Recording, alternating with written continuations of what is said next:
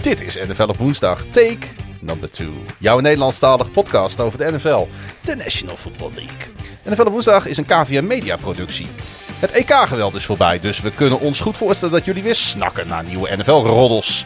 En wij zijn de beroerdste niet, en dus beklommen we de trappen naar de zolder van het KVM-hoofdkwartier. Waar het neefjesseizoen ook begonnen is.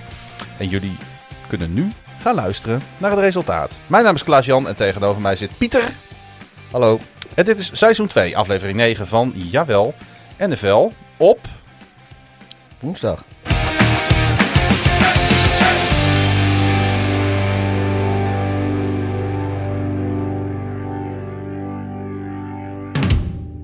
Hij gaat ook uitkomen op woensdag, eh, zoals het nu lijkt. En ik zei een beetje schampen take two. En de mensen die ons volgen op Twitter, die hebben het al eh, eh, meegekregen. Het ging iets niet goed gisteravond. Nee, we hadden, we hadden gisteren denk ik de, de beste, dat zal het geweest zijn, 50, 55 minuten. De beste 55 minuten die we ooit... Uit de ooit- geschiedenis van NFL op woensdag. Nou, niet alleen uit de geschiedenis van NFL op woensdag. Ik denk gewoon uit, uit, uit de Nederlandse podcastgeschiedenis. Ik denk, als, als, er, als er Pulitzerprijzen voor podcast komen... dan waren wij gisteren hard op weg om er, eh, om er fluitend en binnen te slepen. Had dat ook te maken met het eh, eh, alcoholpercentage wat toen al in ons lichaam zat? Nee, maar ik praat wel makkelijker op mossels. Gisteren hadden we al twee flessen wijn op. Twee, en twee pannen mossels. Nu beginnen we aan onze eerste Volkingen Brew van de dag. Ja, dat is dan weer het voordeel. Die hadden we gisteren nog niet. Nee, nee ja. De, de Summer in the City van eh Volkingenbroe. Is neem- weer een pareltje, mensen. Ik neem even een slokje. Ik ook, dus eh, En dat is een heerlijke New England IPA. zoals altijd. Goed, moet ik uitleggen nog wat een neefjesseizoen is? Ja, ik, ik- Gisteren waren ze er. Gisteren waren ze er, toen eh, nu niet meer. Gisteren waren er wat, eh, wat steekvliegen. En Vliegjes. eh, daar hebben wij in Groningen en ik dacht ook Drenthe hebben wij daar een woord voor. En dat is neefjes. Neefjes. En eh, ehm, ik heb wel eens getweet, gewoon echt ook gewoon, omdat het ons woord is, dat ik een paar neefjes dood had geslagen. En toen stond, de volgende ochtend stond er een arrestatieteam bij mij voor de deur. Dat kan toch niet? Maar dat gaat dus over steekvliegjes. Ja, Ik zeg altijd maar zo, je kan beter een nicht in een familie hebben dan een neefje. Ja. En wat jij gisteren aan had en vandaag niet, Ja, eh, het jubileumshirt van FC Groningen. Ons aller FC Groningen. ons aller FC Groningen, ja. Nee, dat, eh, ik doe me de volgende keer wel weer aan. En dan, eh, als hij weer schoon is en fris, en dan, dan praten we erover. Ja. Hey, wat ook nieuw is, dat is ons logo. Ja, dat is, eh, dat is wel heel mooi geworden. Ondertussen ja, zit hij alweer eh zo'n 24 uur eh, of langer eh, op, de, op de socials. Ja, op Twitter, Facebook, Instagram kun je en de release van dat logo zien. Eh, onze mooi. collega Wouter Holsappel die heeft, een Holsappel. mooie, die heeft een mooie special effects daarvan gemaakt. En eh, we hebben hem overal geïntroduceerd. En waar we hem ook hebben geïntroduceerd, dat is onze petje.af pagina. Petje.af. Petje.af. Ja, nou, ik hou mijn petje nog even op nu. Maar ja, op eh nflopwoensdag.nl kun je gewoon naartoe gaan. Ja. En dan, eh, Hij zegt wel eens, elke keer als ik naar NFL op woensdag.nl ga, zegt hij, deze site kan geen beveiligde verbinding eh, leveren. oh Dus het is geen beveiligde website, zeg maar. Ja, maar wij verkopen je gegevens niet aan mensen die wij niet vertrouwen. Nee. Bij mij redirect hij gewoon trouwens hoor. Oh, nou ja, misschien ligt dat dan aan mijn instellingen. Die heb ik vrij zwaar staan namelijk. Maar eh, waar het eigenlijk om gaat ook helemaal nergens over. Is dat wij eh, een petje.af pagina hebben opgericht. En eh, ja, ben jij er ondertussen aan toe om in een zin of twee uit te leggen wat dat is? Ehm, ja, het komt erop neer dat, dat je een, een donateur kan worden eigenlijk van, van, van ons. Weet je, vroeger kon je zo'n foster parentskin met, met je schoolklas adopteren. En, dan- en nu kunnen onze luisteraars ons adopteren. Dat is eigenlijk waar het een beetje op neerkomt. Ja, je kunt bij ons drie pakketten afnemen. Je kunt, eh, en eh, die ere wie ere toekomt, eh, die heb jij bedacht. Je kunt knakenlid worden voor 2,50 per maand. Nou, waar hebben we het over? Een knaak. Een, een knaak. Nog geen biertje in de kroeg meer tegenwoordig. Nee, 2,50 per maand kun je ons ondersteunen en, en lid worden van de community. Je kunt ook MVP worden. Daar betaal je 5 euro per maand aan ons. En je kunt NFL Commissioner worden. Dat kun je voor 50 euro per maand doen. Maar dan reclameren wij ook. Dus dat betekent dat als je een eh, bedrijf hebt waar je voor werkt of je hebt een eigen bedrijf, dan gaan wij daar, uh, daar, daar, wat over zeggen. Ja, of gewoon als je een, een, een boodschap hebt die niet per se commercieel is, maar die je wel graag uh, met ons publiek wil delen. Mm -hmm. Dan doen wij dat iedere, iedere, iedere keer dat we opnemen voor dat bedrag. Ja, het is heel we simpel. zijn te koop. Uh, ik weet je, als knakerlid, vind je nou tof om naar ons te luisteren? Waardeer je de tijd die wij in deze podcast steken? Uh, word knakerlid, 2,50. Sluit je direct voor een jaar af, ontvang je ook nog eens een maandje korting. En uh, we noemen dan ook je naam in de eerstvolgende uitzending als je dat wil. Maar het wordt pas echt interessant als je MVP van de show wordt. Ja, want dat is onze, onze brug eigenlijk naar het volgende punt. Want daar zitten daadwerkelijk tastbare voordelen aan. Nou, je krijgt dan, als je besluit om MVP-member te worden bij NFL op woensdag, als eerste de mogelijkheid om je aan te melden voor offline events. Je komt bovendien ook op onze NFL op woensdag MVP Wall of Fame. En um, het zou ook nog kunnen in de toekomst. Ik ga geen beloftes doen die ik niet kan houden. Maar dat wij extra content gaan aanbieden voor uh, die members. Ja. Maar, dat... misschien goed om erbij te zeggen. Onze podcast zal altijd gratis blijven. Zo zijn we. Um, maar goed, gezien de tijd die we erin steken, kun je MVP worden. En dan kun je bijvoorbeeld als eerste je aanmelden voor de offline events. Offline events? Jazeker. Want wat ja. hebben wij uh, in al onze wijsheid besloten? Nou ja, uh, voordat we gaan vertellen wat dat is, pak nu alvast de agenda allemaal en hou week 2 van het NFL speelweekend uh, van komend seizoen. zet daar een hele grote rode cirkel omheen. Want dat is 19 september uit mijn hoofd. Zondag 19 september, zeg ik dat goed? Het gaat inderdaad om zondag 19 september. Ja, dan kun je met, uh, met ons en uh, heel veel medeluisteraars live eigenlijk een, een, een, Ja, we gaan een podcast opnemen, dan wel een, een, een klein quizje of weet ik veel wat gaan we doen. Misschien wel een, een, een soort mini-pub quiz over de NFL. En daarna vanaf 7 uur hebben wij Red Zone op een groot scherm en heel veel andere wedstrijden die uh, in, in hun geheel op een van de wat minder grote schermen. En dat is allemaal in, hoe heet die kroeg? In uh, Sports for Friends in Tilburg. Sports for Friends in Tilburg. Loopafstand van het station. Ja, ook mogelijkheid tot parkeren. Maar als het op loop, loopafstand van het station is, zou ik zeker aanraden om gewoon lekker met de trein te komen. Ja. En dan gaan we gewoon met jullie, onze luisteraars, uh, uh, ik hoop een hele toffe NFL uh, fanday beleven.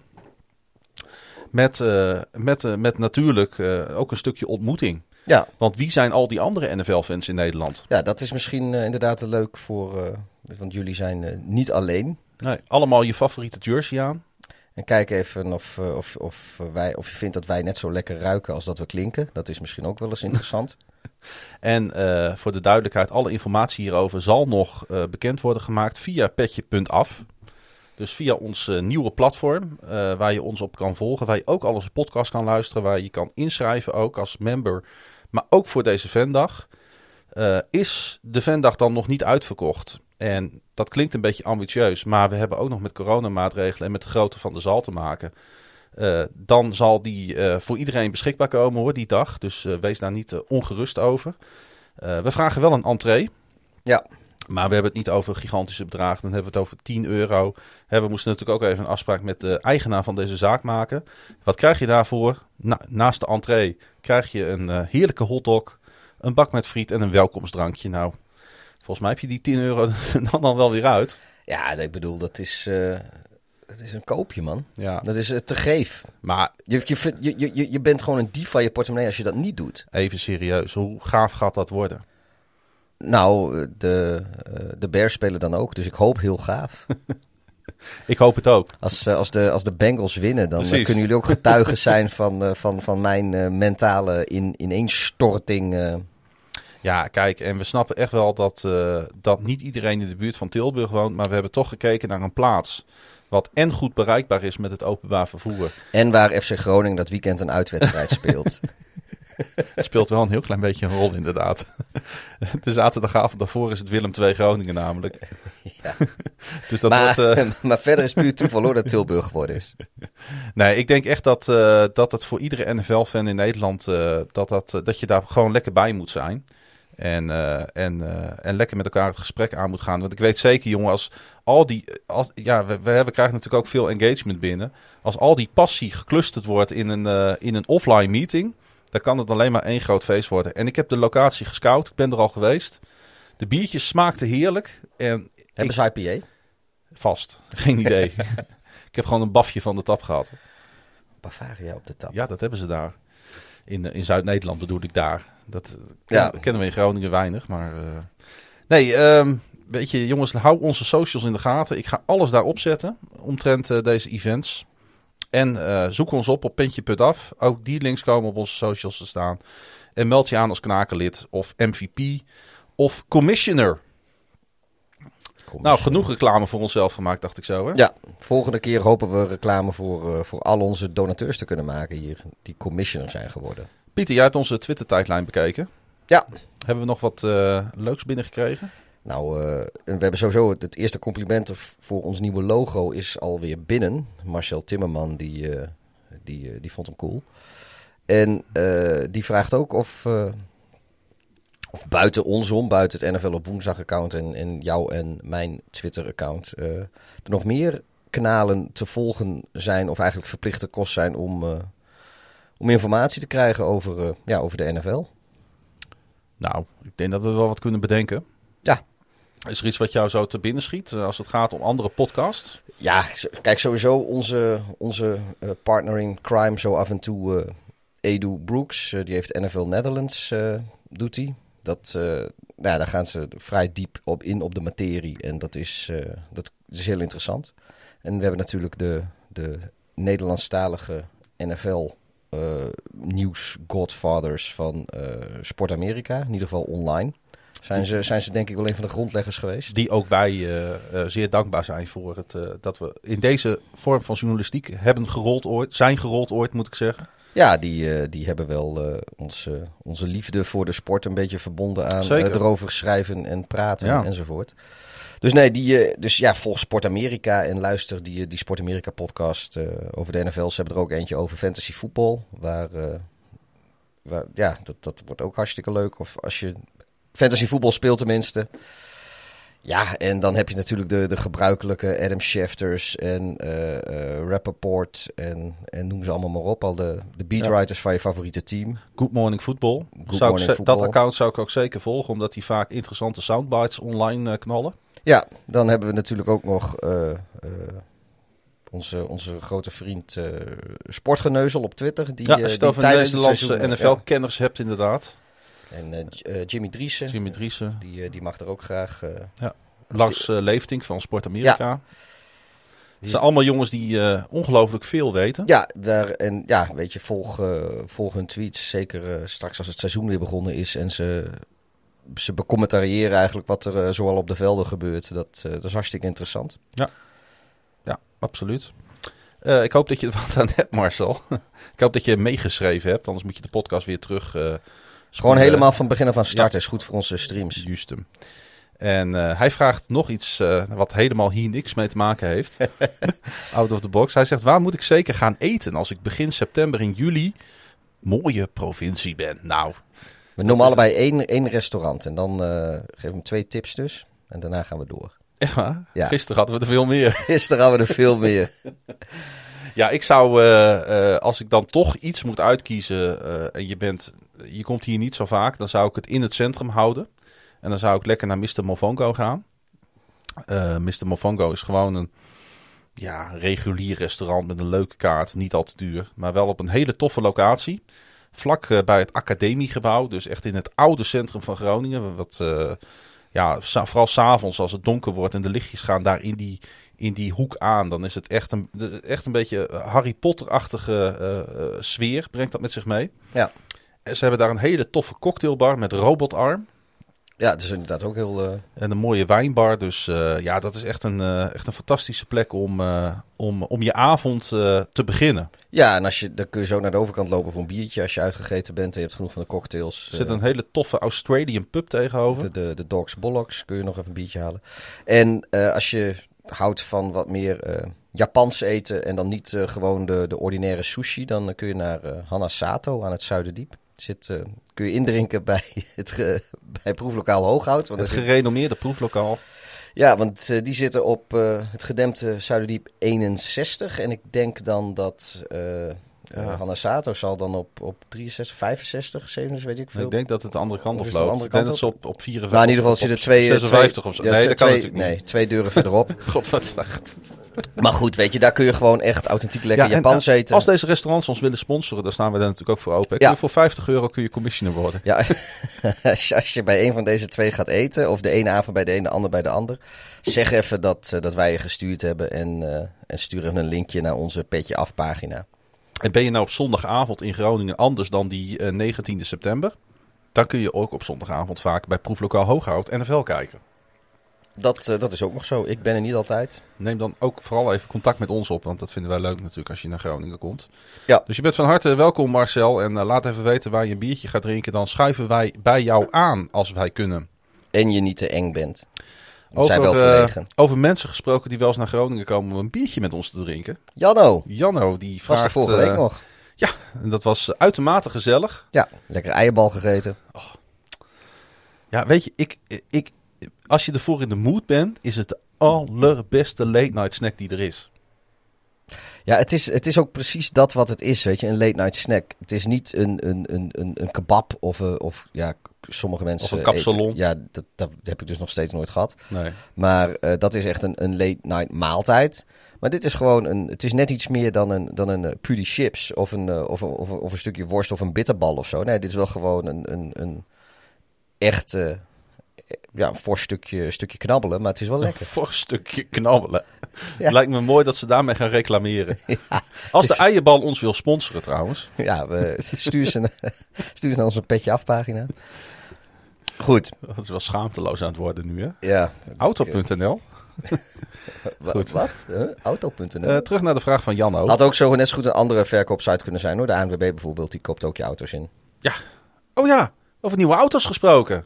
Oh ja, ik heb, eh, ik heb een nieuwe auto, eh, mensen. Dat, eh, de oplettende luisteraar had dat vorige week of vorige uitzending kunnen horen. Ja, Maar ik heb hem vrijdag opgehaald. Twee kilometer op de teller, zo ver is de showroom uitgereden. En dat voelt goed hoor. ja. ben je er blij mee? Ik, vooralsnog ben ik er heel blij mee. Hij is vol elektrisch hè. is goed voor het milieu. Dus ik doe, het, ik doe het niet voor mezelf, Alleen ik doe het- het voor de kinderen van de luisteraars. Het eerste probleem doemt al op, want eh, Ja, we gaan naar Osnabrück. en mijn, ja, nee, dat, hij haalt het wel. Maar ik, ik, ben, ik heb nog een beetje accu-angst, eh, range anxiety. Want eh, ja, het is, het is wel een beetje anders met de elektrische auto. Want je moet, je moet of dat ding altijd vol houden. mhm. Of je moet dus volop geladen houden. Of je moet er gewoon vrede mee hebben dat als je, dat als je in één keer weg wil, dat je, dat je dan misschien eerst wel even moet laden. Of onderweg moet bijladen. En of je moet dat ook. laden ook nog eens ver- verdomd goed inplannen, zeg maar. Want, eh, Ja, als je zonder komt te staan, dan. eh, ja. Maar goed, dat. eh, kijk, Osnabrück, dat ik, ik, hij haalt het wel hoor. Maar weet je, ik, wil, ik moet ook een beetje leuk rijden. En oh, we gaan onderweg lekker snel laden. Even de Ik, rij, ik rij gewoon mee, want ja, ik heb geen rijbewijs. Dus Nee, eh, ik denk je- dat, je, dat je mij niet vertrouwt achter sturen. Nee, hoewel het is eh, wel steeds simpeler, want je hoeft niet meer te schakelen. Hij heeft, hij heeft niet eens automaat, want het is gewoon een elektromotor. Dus eh, het rolt allemaal gewoon door. We gaan het even niet over mijn rij, eh, eh, eh, rijangsten hebben. Nee, we gaan het eh, hebben over... eh, De angst de- van Janno. De, ja, Janno's vraag. Ze maken er in Amerika best een big deal van als een rookie zijn contract tekent. Ehm, is dit terecht of tekenen ze uiteindelijk altijd wel en zijn er notabele non-signers? Nou, op zich een eh, leuk bedachte vraag. Zeker in deze eh, fase van het seizoen, waarin Ja. er niet zoveel gebeurt. Ehm, is er iets wat in jou opkomt als je zo deze vraag hoort? Ja, ik had eh, gisteren was de eerste die me opkwam, was Eli Manning. Die, die werd oorspronkelijk, als ik me het goed herinner, gedraft door de San Diego Chargers, toen nog. Dat, Ja. hadden we, dat hadden we vandaag even kunnen factchecken. Ja, hadden we nu kunnen factchecken. Maar eh, volgens mij doe je dat nu ook. Maar eh, toen was het nog de San Diego Chargers. Die Ja. hebben hem gedraft. En eh, Manning die heeft voor de draft heeft hij eigenlijk al gezegd van... luister, de hele wereld kan uit elkaar gaan barsten... maar ik ga niet voor de Chargers spelen. En toen ging Flippy Rivers de andere kant op. Ja, en dat, dat, dat is inderdaad. Het Was, Dat was de rel. Dat was de ruil. Toen hebben de... de ja, en, toen, eh, en op zich natuurlijk voor beide teams, ondanks dat de Chargers nooit een Super Bowl hebben gewonnen en de Giants natuurlijk wel, was dat een goede rel. ja, kijk, eh, als, je, als een speler niet voor je wil spelen... dan, eh, dan heb je er gewoon niet zoveel aan. Nee, we moeten ook niet doen alsof Philip Rivers, Rivers geen succesvolle carrière Nee, heeft precies. gehad. Nee, dat, dat is ook. die heeft de pech gehad dat, eh, dat, dat er altijd minimaal één fase van het spel bij de Chargers Ja. heel erg ondermaats was. Als de, vaak de special teams, maar ook de, de verdediging heeft hem nog alles in de steek gelaten. Ja. Ehm, maar goed, ja, de, de, de, het was op zich wel een slimme deal. Want ja, ze hadden achteraf ook gewoon eh, draft picks kunnen ruilen. Misschien, weet ik niet. Maar eh, op deze manier, ja, de, de Chargers die hebben wel gewoon Manning gedraft. En die hebben eigenlijk meteen getrade in een ruil met, of met de Giants tegen, tegen Philip Rivers. En dat was gewoon omdat Manning dus niet voor, ze, voor de Chargers wilde spelen. Nee, maar het zijn wel unicums hoor, want die rookie contracts onderhandelingen die zijn doorgaans zijn die gewoon tekstboek. Je draft spot is ook bepalend voor je uitgangspositie als het gaat om contractonderhandelingen. Daar is weinig ruimte in, tenzij je echt dat, de, de, de, bijvoorbeeld nu eh, onze vriend eh, Trevor Lawrence natuurlijk. Ja, dat zijn mensen, eh, dat zijn spelers die krijgen relatief grote contracten die ook afwijken van de norm. Ja, maar het is natuurlijk al helemaal niet meer zo als het ooit was. Want eh, die rookie-contracten, dat is, ik weet niet precies meer in welk jaar, had ik vandaag ook kunnen uitzoeken. maar eh, ik weet nog dat eh Matt Stafford, toen die werd gedraft door de Lions, dat is volgens mij, dat jaar was volgens mij het laatste jaar dat rookie-contracten eigenlijk net zo vrij waren als free agent contracten. Toen was, was, was je eigenlijk, als je gedraft was als rookie, was je eigenlijk een soort restricted free agent. Dat, eh, ehm, maar met Stafford, die heeft in zijn eerste vijf jaar van zijn carrière, heeft hij zeg maar meer geld bij elkaar zitten ballen dan eh, heel veel andere spelers. In ieder geval in verhouding tot de salary cap. eh, dan heel veel andere spelers in de, vanaf hun zesde tot hun tiende jaar, zeg maar. Mhm. Dat, die heeft gewoon nog een serieus contract gehad als rookie. Ik weet de exacte bedragen niet meer, maar dat is, uiteindelijk is dat een beetje aan banden gelegd. En eh, ja, rookies die krijgen nu gewoon niet zoveel geld. Nee, eh, wat wel opvallend is, eh, is dat dus eh, draft picks niet verplicht zijn om te tekenen bij het team dat ze gekozen heeft. Sterker nog, ze kunnen kiezen voor een hold-out voor een volledig seizoen en daarna opnieuw meedoen aan de draft. Komt zelden voor, maar jij moest denken aan Eli Manning, ik moest denken aan John Elway. Ja, Die in eh, 1983, ik heb het niet bewust meegemaakt, maar het verhaal is wel bekend. Er zijn diverse documentaires ook over gemaakt. Als first overall gekozen werd door, jawel, de Baltimore Colts. De Colts speelden Toen nog in Baltimore. toen de Colts nog cool waren. Juist. Toen de Colts in. Ja. ja, dat is eigenlijk wel waar. Ja, nee, niet om lelijk te doen over de Indianapolis Colts, maar het, zijn toch een beetje, het is toch een beetje, een beetje de een grijze muizen van de NFL. hè? Ja, maar het is ook een beetje een, een franchise van verraders nu. Eh, ja. Zo'n beetje als een dief in de nacht in die eh, uh, Mayflower trucs Nou, we hebben het, we hebben het één keer eerder in een van onze eerste afleveringen hebben het wel eens Ja. genoemd. Maar je, mensen, ga die documentaire kijken over de marching band that never left Baltimore. Wat dus automatisch gaat over het feit dat het team s'nachts, letterlijk inderdaad als dieven in de nacht, hebben ze 27 vrachtwagens volgegooid met alle spullen van het team. Ze hebben alle prijzen ook die nacht uit de, uit de Ja, want ze hebben, ze zijn, ze zijn, het is dezelfde franchise. Dus, dus Ja. als, eh, als je het hebt over de, de, de palmares van de, van de Indianapolis Colts, dan is eh, volgens mij op één Super Bowl na, dat is die van 2006, zijn ze allemaal behaald als de Baltimore Colts. Ja, het was er ook maar één. Maar toch, eh, mensen, de mensen in Baltimore en de omgeving die werden 's ochtends wakker. En opeens hadden ze geen American voetbalteam meer in, in hun stad. Ja, En dat kondigde zich al wel een beetje aan. En dat is ook direct de reden waarom hij, John Elway, helemaal geen zin had om eh, voor de Colts te spelen. Want de ja club de Colts die zaten, toen, eh, die, die zaten toen echt in een, in een dal. Ja, die waren al geëindigd als slechtste team. Vandaar ook dat ze natuurlijk de eerste overall pick hadden. En ehm, hij had er zo geen zin in dat hij zei van ja, eh, het zal mij allemaal aan mijn reet roesten met jullie daar in Baltimore. Ik ga gewoon lekker honkballen. Ja. tenzij jullie mij gaan traden. Nou, toen hebben de Colts eh, toch maar de, eh, de trade-optie gebruikt. En toen hebben ze hem naar de Denver Broncos gestuurd. Nou, dat heeft Denver geen wind uit. Nou, nee. Het was ook niet voor niks natuurlijk dat hij toen gekozen werd door de Colts. Want zijn, zijn kwaliteiten waren onmiskenbaar, hè? Ja. Een lekkere gunslinger was dat ook. Zeker. En eh, nog steeds een grote persoonlijkheid en een grote manier natuurlijk binnen eh, de Football League. En ik stuitte ook nog op het voorbeeld van eh, Bo Jackson, de, die zich weigerde te melden bij de Tampa Bay Buccaneers. Nadat het team hem ook weer als number one overall draft had gekozen. En Ja, dat zit natuurlijk. Het is op zich wel. Dat, er zit wel een lijn in. Dat is ook wel logisch. Ja. Eh, het het team met de, met de eerste overall pick is over het algemeen een team dat, eh, dat, dat er niet heel best voor staat. Anders heb je die pick niet. En eh, ja, dus de, de kans dat je, dat je niet wil spelen voor de, voor de team met de first overall pick is groter dan dat je niet wil spelen voor het team met de 32e overall pick natuurlijk. En Jackson is een van die weinige voorbeelden die ook daadwerkelijk inderdaad voor een hold-out koos. Nou ja, niet echt helemaal, want hij heeft een jaar gebaseballed voor de Kansas City Royals. En uiteindelijk hebben er toen nog Oakland Raiders hem gekozen in 1987. Met hem kun je toch nagaan. 183ste overall pick. Dus dan heb je het al over de zevende ronde. En eh Bo Jackson, running back, speelt uiteindelijk drie jaar voor de Raiders. En dat bleek een schot in de roos. Met bijna 3000 yards en 16 rushing touchdowns in drie seizoenen.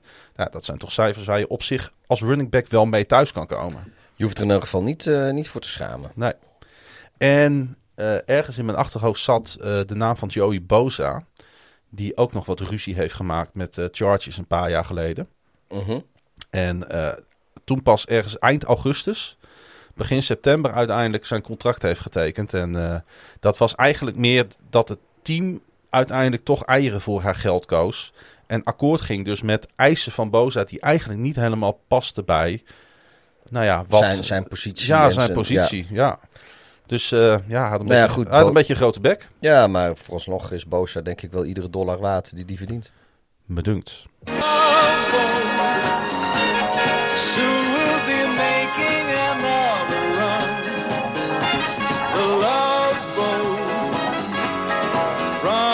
Ja, we zwijmelen er eh, een beetje bij weg. Ja, ik was even in slaap gevallen.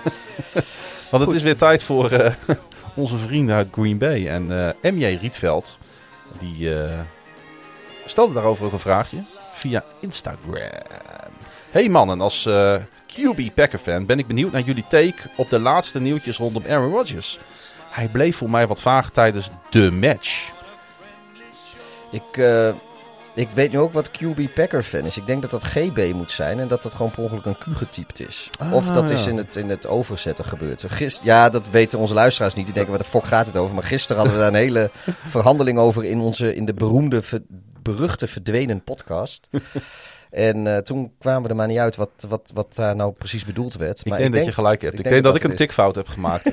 Want het komt dat je niet kan kopiëren en plakken uit die Instagram, Instagram-box. Ja. ja. Maar goed, ja, en QB is ook een afkorting die we regelmatig Ja, gebruiken. maar goed, eh, sorry eh, MJ Rietveld. eh, als eh, GB Packer fan, dat moet het denk ik zijn. Ja, ja, ja. Hij, eh, hij, eh, die, hij, Aaron Rodgers, die speelde eh, volgens mij een potje golf. Ja, dat was... Zag ik eh, ergens voorbij komen ja, op de socials. Jij volgt dat natuurlijk van dichtbij. Ja, ik, ik, ik, als, ik ben dit, dit, dit, offseason ben ik Aaron Rodgers watcher geworden.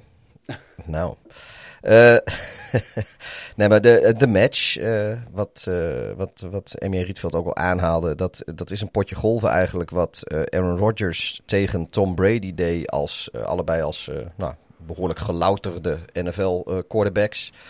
En eh, ze werden allebei gesteund door eh, niet kinderachtige eh, golfspelers, die dat ook niet, nou, die dat goed kunnen. Tom Brady die zat in een team met Phil Mickelson. En Aaron Rodgers werd vergezeld door eh, Bryson DeChambeau. En voorafgaand aan, het, aan dat evenement gaf Rodgers een interview. Waarin hij een heel wazig verhaal hield over, over mentale gezondheid. Eh, of het nou die van hemzelf was of die van mensen in het algemeen, was niet helemaal duidelijk. Maar het was.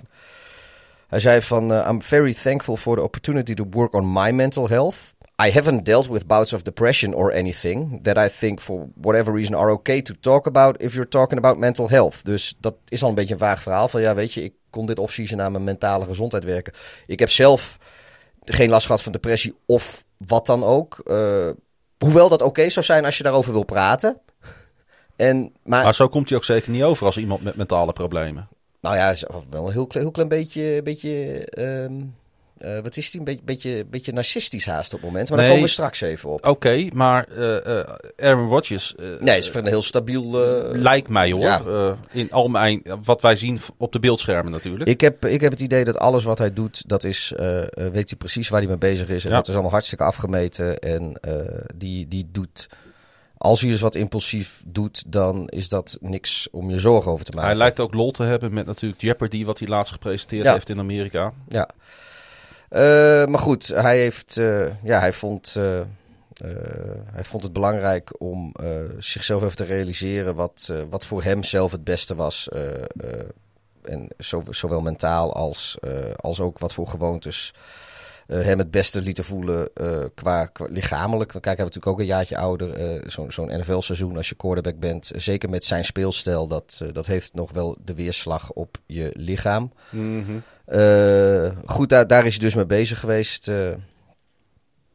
maar hij kwa- ontkwam natuurlijk niet aan, eh, aan vragen over zijn toekomst. En met name zijn toekomst eh, in Green Bay.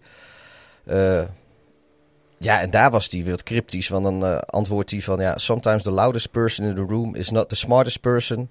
Sometimes the loudest person in the room is not the person who has all the facts on their side... or the truth on their side. Sometimes there's a lot of wisdom in silence. Sometimes there's a lot of wisdom in being selective on what you say. Nou, ja, dat laatste, dat is, valt eigenlijk het, het hele verhaal alweer samen. Hij vindt eh, zichzelf hier volgens mij heel wijs met zijn, eh, met zijn, met zijn vage verhaal. Ja, dit, dit begint een beetje irritant te worden. Ja, nou goed, we hebben. d- er werd ook wat luchtigs gedaan tijdens het evenement. Toen dat, tijdens de, de, match, toen dat één keer bezig was. Eh, Rob Gronkowski, die, die werd gebeld door, eh, door Tom Brady. eh, die dus bezig was. En Tom Brady die vroeg eigenlijk. eh, die vroeg zich af of Gronkowski wel. eh, wel volop bezig was met de voorbereiding op, op het nieuwe seizoen. En dat gesprek dat, dat ging eigenlijk als volgt. Bobby G, are you are you you, are you're not ho- hopefully not at the beach too much. You're ready to go, aren't you? I mean, we're we're get we're going here in three weeks. I know my guy works we're hard. I mean, I'm, I'm wondering if you're ready. You missed all of OTAs. You're out golfing now. I haven't. You haven't seen me do anything. I've been just training, getting ready, catching footballs. I'm studying my competition. Look, I'm I'm 30 yards away from Aaron, who's you know, you know, the, the leader of the Packers. I think. I think. dit is zo sterk hè. Ja, ik vind het, eh, ik vind het wel een mooi verhaal. eh. sowieso, ik vind de, de, ja, de, de manier waarop Brady en eh, Robbie G, zoals hij hem noemt, eh, Rob Gronkowski, eh, met elkaar praten, vind ik wel, eh, vind ik wel grappig. Maar dat, dat, dat de leader, I think, dat is Ja, natuurlijk de, wel de de- leader ook- of the Packers, I think. Dat is natuurlijk ook hoe de fans op dit moment hier ook ja, ja, ja. Aan, het, aan, het, aan het praten zijn met Maar elkaar. dit, dit is natuurlijk ook gewoon een, een, een, een, een steek van Tom Brady. Waarschijnlijk, ik denk dat Brady en, en, en Rodgers elkaar gewoon best wel goed kennen. En ik weet niet of Brady dingen weet die, eh, die Rodgers niet nog met de wereld heeft gedeeld. Dat, dat durf ik niet te zeggen. Maar eh, Brady heeft er volgens mij wel plezier in om, om lekker die situatie eh, een beetje uit te buiten. En met Aaron Rodgers zijn natuurlijk de Green Bay Packers een van hun grote concurrenten in, Ja. de, in de conference. Ja, dus, dus als daar inderdaad wel iets zit van oneenigheid, wat, wat, wat een, een nasleep kan hebben in, in het seizoen, dan is denk ik eh, Tom Brady eh, winnaar genoeg om dat vuurtje te proberen een beetje op te stoken en eh, te zorgen. Want ja, ieder voordeel is een voordeel, zeker in de NFL. Ja. Ehm, Aaron Rodgers zelf, die werd ook gebeld. Terwijl die in een golfkarretje over, over de baan reed. Hij sprak met Brian Anderson en Larry Fitzgerald. En ook natuurlijk waren die benieuwd naar zijn toekomst in Green Bay. En dan met name wie er tijdens Packers Bears of 12 september op het veld zouden staan. En dat gesprek ging als volgt. Packers Bears. Any idea who's going to be there? Anybody who's going to be quarterbacking in the number 12 jersey? Yeah, I don't know, BA. We'll see. How We'll about see, won't we? how about September 12th then? How will you go for that one? What's that one? That would be the, the opener against the Saints. Oh, All cheesers rejoice. yeah, I don't know, BA. We'll see. Ja, hier val ik een beetje stil. Want ik snap best dat je een beetje quasi grappig in je zomervakantie wil doen. En je bent eh, natuurlijk volop nog in een, in een steekspel eh, eh, met, met je werkgever. Maar we kunnen niet doen alsof de Packers geen trouwe fans hebben.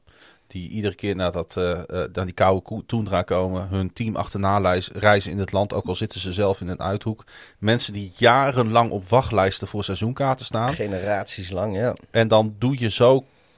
Je haal je zo je schouders op over... eh, Ja, het is, het is, het is, het, het, ja, het is wel eigenlijk respectloos aan het worden, vind ik. nou, En dit, dit is wat ik, wat ik eerder hij zei, drijft, een beetje hij dat het nu wel narcistisch. wat te ver door. dat eh, narcistische, ja. zeg maar, wat ik eerder zei, dat, dat vindt, blijkt, blijkt een beetje uit dit gesprek. Hij heeft zoiets van, eh, ja, de, de, de, hij verwart, denk ik, met, eh, met dat iedereen gewoon eigenlijk wil weten waar hij aan toe is. Eh, eh, met Green Bay en eh, wie Mhm. daar de quarterback gaat zijn. Verwart hij, denk ik, en, en daar krijgt hij dus al die vragen over. En ik denk dat hij dat, al die aandacht een beetje verwart met dat de wereld om Aaron Rodgers draait. Hij, hij, het lijkt wel of hij zichzelf nu even de belangrijkste persoon in de, in de NFL vindt. En dat is qua nieuwscycles misschien wel zo op een moment. Maar ja, ik vind, ik vind hier... eh, dit gaat wel ver hoor. Dat, dat, kijk, dat, dat hij... eh, dat hij pretendeert te doen, niet eens te weten dat wat, wat er op 12 september is, dat dat de season opener is. Ja, dat, dat vind ik echt wel een hele kwalijke zaak. Dan, dan, ook al is het een geintje, je, je straalt een beetje uit alsof je de boel helemaal niet eens serieus neemt. Nee. En kijk, als Tom Brady dat zou doen, weet je, dat is prima. Die man die heeft net een Super Bowl gewonnen en die heeft sowieso al zeven ringen. Eh, maar Aaron Rodgers die zit eh, al sinds, sinds de Super Bowl eigenlijk in een soort publieke fete, om het zo maar te noemen, met de Packers. Ja, dan is eh, juli denk ik niet meer de tijd om daar nog een keer lollig over te doen. Dat is op een gegeven moment wel geweest. Nou, een paar ben- weken voor start van trainingskamp. Ik ben het helemaal met je eens. En ik ben het ook met je eens. Maar goed, dat zei ik in het begin ook al een beetje. Eigenlijk de grootste dis die hier wordt uitgedeeld... is niet naar het team toe, is niet naar de organisatie toe... is naar de fans van de Green Bay Packers toe. Ja, die. eh, ja, kijk, eh, dat, dat, dat Rodgers en de Packers, dat daar, dat daar wat, eh, wat, wat kwaad bloed zit, nou, dat zal. Maar eh, eh, de fans van, van de, de Green Bay Packers, die hebben Aaron Rodgers volledig terecht. als, al, al, die dragen hem al, nou wat is het, eh 12, 13 jaar op handen. En ja, dan, dan, nu is het echt zeg maar de eerste, de beste eh, serieuze kink in de kabel. En eh, hij keert ze in ieder geval tijdelijk zo- al ineens de rug toe. Ja, vind ik En, ook. ja, wel. en ik, ik vind dat eh, vind ik niet netjes. Ik, ik ook niet. Was er trouwens nog een sportieve winnaar tussen, tussen die twee... als het gaat om dat gegolf van ze? Ja, Aaron Rodgers die heeft, die heeft eigenlijk revanche genomen voor de verloren NFC Championship game. Die, hij en de Chambeau die wonnen dus van, van Mickelson en, en Brady. Eh, ja, en Rodgers zoals... eh, volgens, ik weet niet of dat in het interviewfragment dat we het net hadden... maar die heeft aangegeven binnen enkele weken met een eh, beslissing over zijn toekomst te komen. Dus we, gaan, we gaan het meemaken of er nog een Loveboat update komt na deze... of dat dit de laatste was.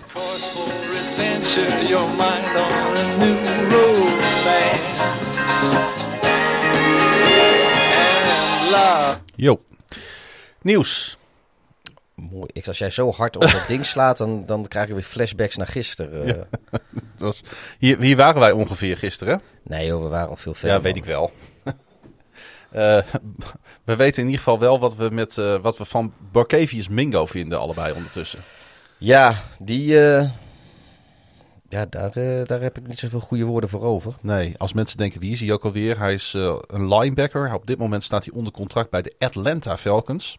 En hij is in eh, Arlington, Texas, is hij gearresteerd. En hij wordt best wel verdacht van een, nou, een ernstig feit, namelijk seks met een minderjarige. Ja. En het gaat in deze om seks niet dat het per se wat uitmaakt, maar ook nog seks met minderjarige jongens. Ja, kijk, het is, het is niet... eh, dat vermeend, vermeend. Ja, eh, is niet, Seksuele handelingen, kunnen we beter zeggen. ja, het is niet zo dat hij, eh, dat hij gecatfished is Nee. door, een, door, door een meisje die zei dat ze 18 was en ze was stiekem 17 of, of weet ik veel wat. En jij hebt het artikel gelezen. Ja, en, het- het- komt- iets meer details. Ja, het, het- wat er eigenlijk op neerkomt is dat...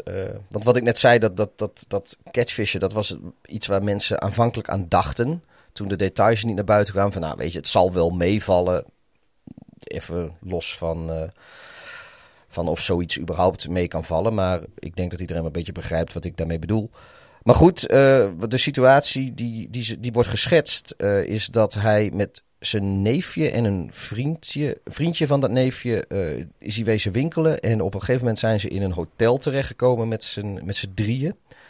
En dat vriendje van het neefje die werd, die werd op een gegeven moment wakker en toen...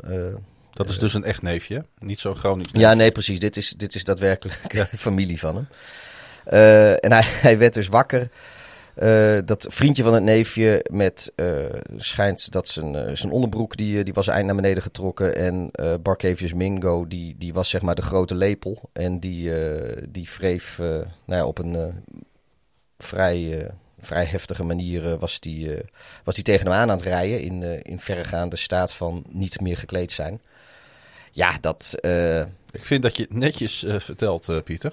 ja, maar het is. eh, Want het zijn helaas wel nare details. ja, ik, ik, ik, dit- dit- er, zit, er zit nog wel meer achter. Maar dit is Ja. zeg maar de, de, waar het een beetje op neerkomt. En ik denk dat iedereen, mocht dit waar zijn. Maar in ieder geval, dit, dit verhaal is duidelijk. Maar mocht het ook daadwerkelijk waar zijn, we- weet iedereen eigenlijk wel genoeg. Hij heeft wel een probleem hè, als hij schuldig bevonden wordt. Ja, dit, dit kan hem 20 jaar in de bak kosten. Op dit moment is die, is, die, is die op vrije voeten, want hij heeft 25.000 dollar borg betaald. Maar ik denk ook eh, dat dit zijn, hem zijn positie bij de Atlanta Falcons kost. Dit, dit, je, je kan hem niet onder contract houden. Weet je? Dit, dit is gewoon dit is zo'n dealbreaker. Er is geen franchise in de NFL die, die, die ermee wegkomt om zo'n speler, eh, als dit nog loopt, zo'n zaak, om die speler onder contract te houden. En toch hè, eh, is het dan opvallend dat ze eerst met een statement komen. Dat is op zich logisch van, we hebben gehoord van het verhaal. eh, we zijn het aan het onderzoeken, we houden het in de gaten. We zijn nu een tijdje verder, want dit is een, eh, weet ik veel, een week, anderhalf week geleden gebeurd. Op Dat- het moment van de opnemen.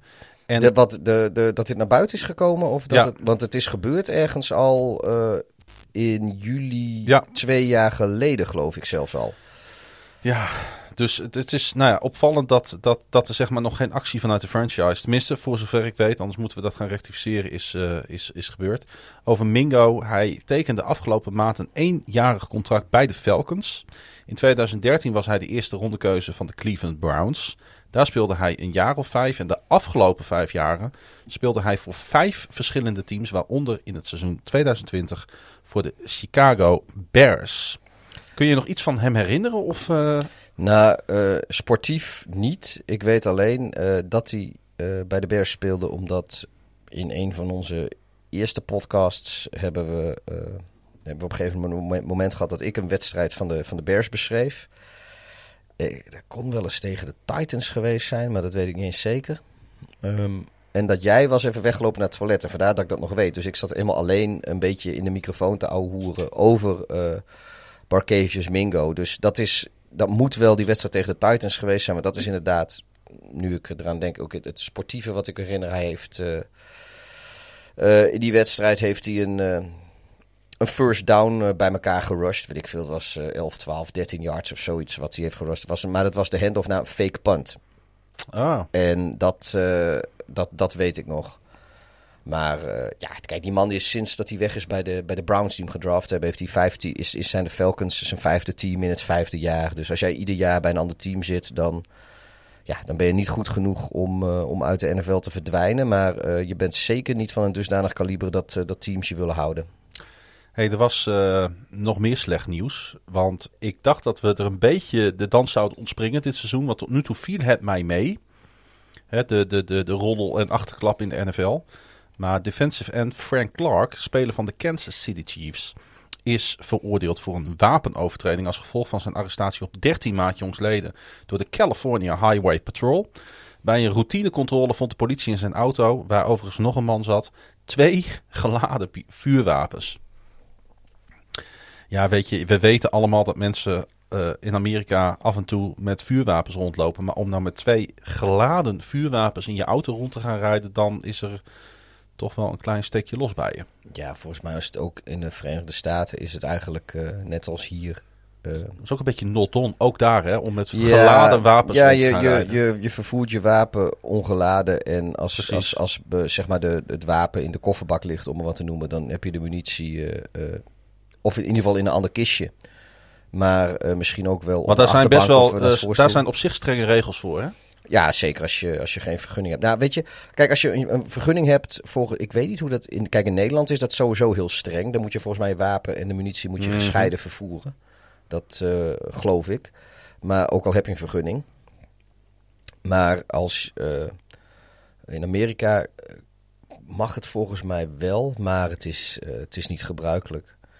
Ik kan wel even een hele, hele korte anekdote vertellen over ons, eh, ons bezoek aan Baltimore twee jaar geleden. Ik, ik wou er niet over beginnen omdat ik niet wist of jij erover wou beginnen. Maar eh, eh, ik ben toen naar een schietbaan geweest met, met Brian. Dat is een Baltimore Ravens fan die we een aantal jaren daarvoor in Londen hebben ontmoet. Toen de Ravens daar de franchise record nederlaag tegen de, tegen de Jaguars hebben geleden. Maar goed, we hebben er wel Maar- een vriendschap aan overgehouden. precies. En we waren dus eh, in Baltimore twee seizoenen terug bij, eh, bij eh, Niners at Ravens. Dat, dat, dat is al onbekend bij de, bij de wat vastere luisteraars. Maar wat, wat niet, niet zo bekend is, is dat ik met de dag dat jij en Frank volgens mij naar, gingen naar de Ravens fanshop. En ik weet niet of jullie verder allemaal nog gedaan hebben. Nou, een beetje gewandeld door de prachtige inner harbor van Baltimore. En ik ben met, met Brian naar de schietbaan gegaan. En we hebben daar eens eventjes even lekker de, de Amerikaanse hillbilly gespeeld.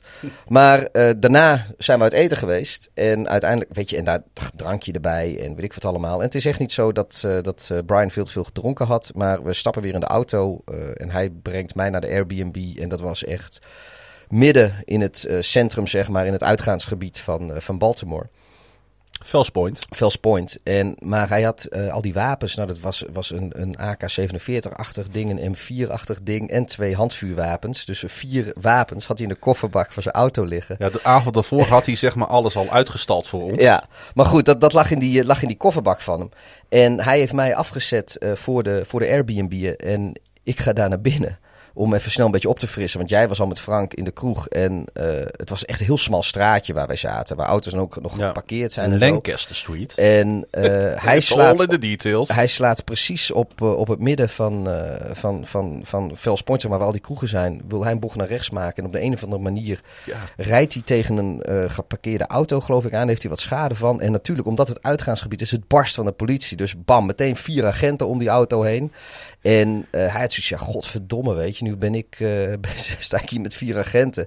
En ik heb En een kofferbak vol en ik- wapens. Ik, heb een slok op. Ja. en mijn kofferbak vol wapens.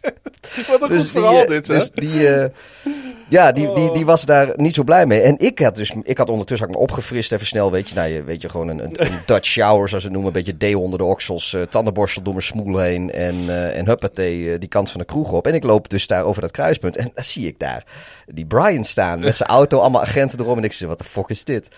En hij kwam er wel goed mee weg, want uiteindelijk eh, werd, werd hij, eh, werd, werd de agenten die vroegen hem of hij even een briefje onder de ruitenwisser wilde doen van de auto waar hij tegenaan had gezeten. Was echt schade van niks. Het was een krasje. Nou, eh, je moest echt weten waar die zit en je moest er echt heel goed naar kijken. Maar die agenten die Maar goed, wilden... schade is schade. hè? Ja, maar hij wilde dus per, die agenten wilden per se dat het briefje onder die ruitenwisser kwam. En dat snap ik ook wel. Want, nou ja, goed, dat, dat, dat, dat hoort dan. Brian had er eigenlijk niet zoveel zin in, maar die had zoiets van: ja, weet je, als ik hier door niet hoef te blazen en ze gaan verder niet in mijn auto kijken wat er allemaal in zit, dan is dat een small price to pay. Dus eh, ja, zo, zo ging het. Maar die, eh, die, dat, die was echt niet op zijn gemak met zijn kofferbak vol wapens. Is er ook Eh, nog wat met dat briefje gebeurd? ja, ik, ik, ja, ik ben er eigenlijk niet zo heel trots op. Maar eh, ik, ik ben, hij, is, hij is weggereden met Ja, de auto naar huis. ja. Ik ben naar de kroeg gegaan waar Max- jij en Max Frank was. Stephouse Max natuurlijk. Stephouse. En daar hebben we de nodige biertjes gedronken. En uiteindelijk zijn we op een gegeven moment een keer weer richting huis gelopen. En toen had ik een berichtje van, eh, van Brian. Die was, die was thuis ook nog weer aan het drank gegaan. Die had gezegd van, joh, haal het briefje zonder die ruitenwisser weg. en ik loop langs die auto en ik zie het briefje nog zitten. En ik heb het er ook zo weer onderweg gehaald. Ik ben er niet trots op mensen, maar... Ach, die man die was zo, eh, zo aardig voor ons, zo gastvrij die mensen. En eh, Pieter, we waren dronken, it's Baltimore. The Baltimore. gods will not save you. precies. Had die man ook maar zijn auto niet in een bocht moeten parkeren. Dat, in Nederland mag dat niet eens. Nee. Even terug Goed, naar eh, lekker, Frank lekker, lekker Clark. kort verhaal weer. Terug naar Frank, Frank, Frank Metsenmakers. Nee, Frank Clark, sorry. Clark werd vorige maand ook gearresteerd omdat een agent meende een submachine gun. Dat is een soort mitrailleur in zijn auto te zien. Dat is momenteel nog in onderzoek volgens de advocaat van Clark. Betreft dat een wapen van de bodyguard van Clark. En het eerste wat ik dacht toen ik dat las was, was waarom heeft Clark in vredesnaam een bodyguard nodig? Hij heeft toch zo'n Super Bowl ring? Een defensive... Weet je wat, eh, weet je wat die waard is? Ja, nou ja, ik kijk wel eens naar, eh, naar, naar, naar die Pornhouse eh, Oh, oh ja, eh, Pawn serie, Stars, Pawn, Pawn Stars. Pawn Stars.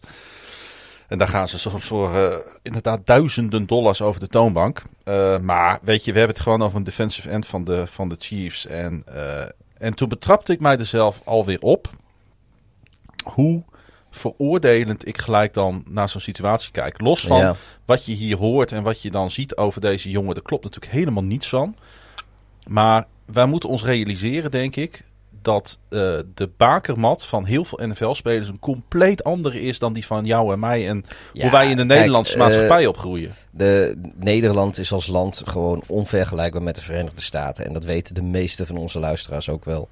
Ehm, maar ja, de, die, die spelers die komen uit, uit milieus, eh, die hebben achtergronden, die komen uit buurten, uit steden, uit, uit, uit gezinnen. Ehm, eh, ja, weet, weet je, het, het, het is daar zo normaal om gewapend te zijn. Het kan ook best zijn dat die. eh, eh, weet je, als, als, als, als de gang affiliations zijn, misschien komt hij wel uit een buurt waar een of andere straatbende. Ja, volgens eh, mij komt is- hij komt uit, eh, uit, volgens mij komt hij uit Compton. Ja, en, En dan heb je het over LA, ja, ja, ja, dat is. eh, een wijk waar de politie niet durft te komen. nee, dat. dat eh, Ik moest ook gelijk denken aan het verhaal van Michael Orr, de, eh, de nou, ik zou bijna zeggen de Carolina Panther legend, maar hij is gedraft ooit door de Baltimore Ravens. Er is ook een film over gemaakt, The Blind Side. ja, Echt, echt een hele goede film. Ehm, hoe Michael Orr eh, van de straat geplukt is in Memphis, in de achterbuurten van Memphis. is Nou, ook een stad, iedereen die daar wel eens geweest is, weet dat het, dat het daar in en in triest is buiten Ja, weet downtown. je, eh, eh, Memphis, nou downtown is ook. Memphis, daar kun je heen voor Graceland, waar, eh, de- waar Elvis Presley eh, ooit woonde. Ja. En verder moet je er wegblijven. Er is verder eigenlijk niks in Memphis wat de moeite waard is. En er zijn, het, is, eh, het is een vrij onveilige stad. Ja. Ja, als je dan toch in Tennessee eh, naar stad wil om een biertje te drinken, ga alsjeblieft naar Nashville. Maar ehm, ja, Memphis... Die, die Michael Orr is daar dus ja, eigenlijk letterlijk van de straat geplukt door een gezin wat hem heeft opgenomen in dat gezin. Een gezin met geld. Heeft ervoor gezorgd dat hij educatie kreeg. Eh, hij bleek ongelooflijk talentvol te zijn als het gaat om American football. En heeft zo een kans gehad. Maar ja, zo kan het ook maar zo zijn. En dat is met Klak is dat een beetje zo. Niet eens een beetje, is dat heel erg zo. Die, die, die jongens op het moment dat ze zich eh, bewust zijn van hun omgeving, worden ze geconfronteerd met geweld.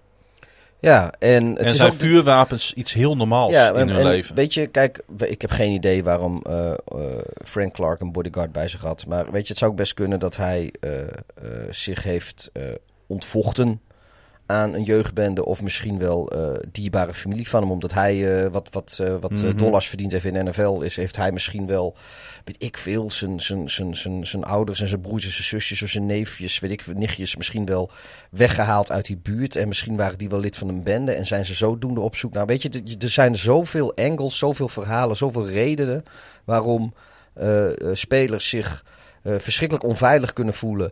En ook echt het idee hebben dat ze met hun probleem of hun gevoel van onveiligheid eigenlijk niet terecht kunnen bij de, bij de politie of misschien Ja, zelfs wel bij hun team. Weet je, wij hebben geen, ja, we hebben geen, geen, geen be- benul van hoe dat voor sommige mensen. Ik wil het niet goed praten, Nee, ik maar ik wil niet. het ook niet zonder context eh, ik wil, eh, niet, afkeuren. ik wil hem niet als domoor wegzetten in Nee. deze podcast, omdat inderdaad wij niet weten eh, eh, waar dit vandaan komt. Clark eh, speelde zijn eerste vier NFL-seizoenen voor de Seattle Seahawks en werd in 2019 naar de Kansas City Chiefs getrade. Gaat gaat mijn laptop op schermbeveiliging, wordt zwart en meteen heb ik weer een Ja, flashback paniek, naar, meteen weer een flashback naar gisteren. Een soort van Pavlov-reactie op gisteravond. Van die, van die, van die Vietnam flashbacks, eh, weet je, krijg je dan. eh.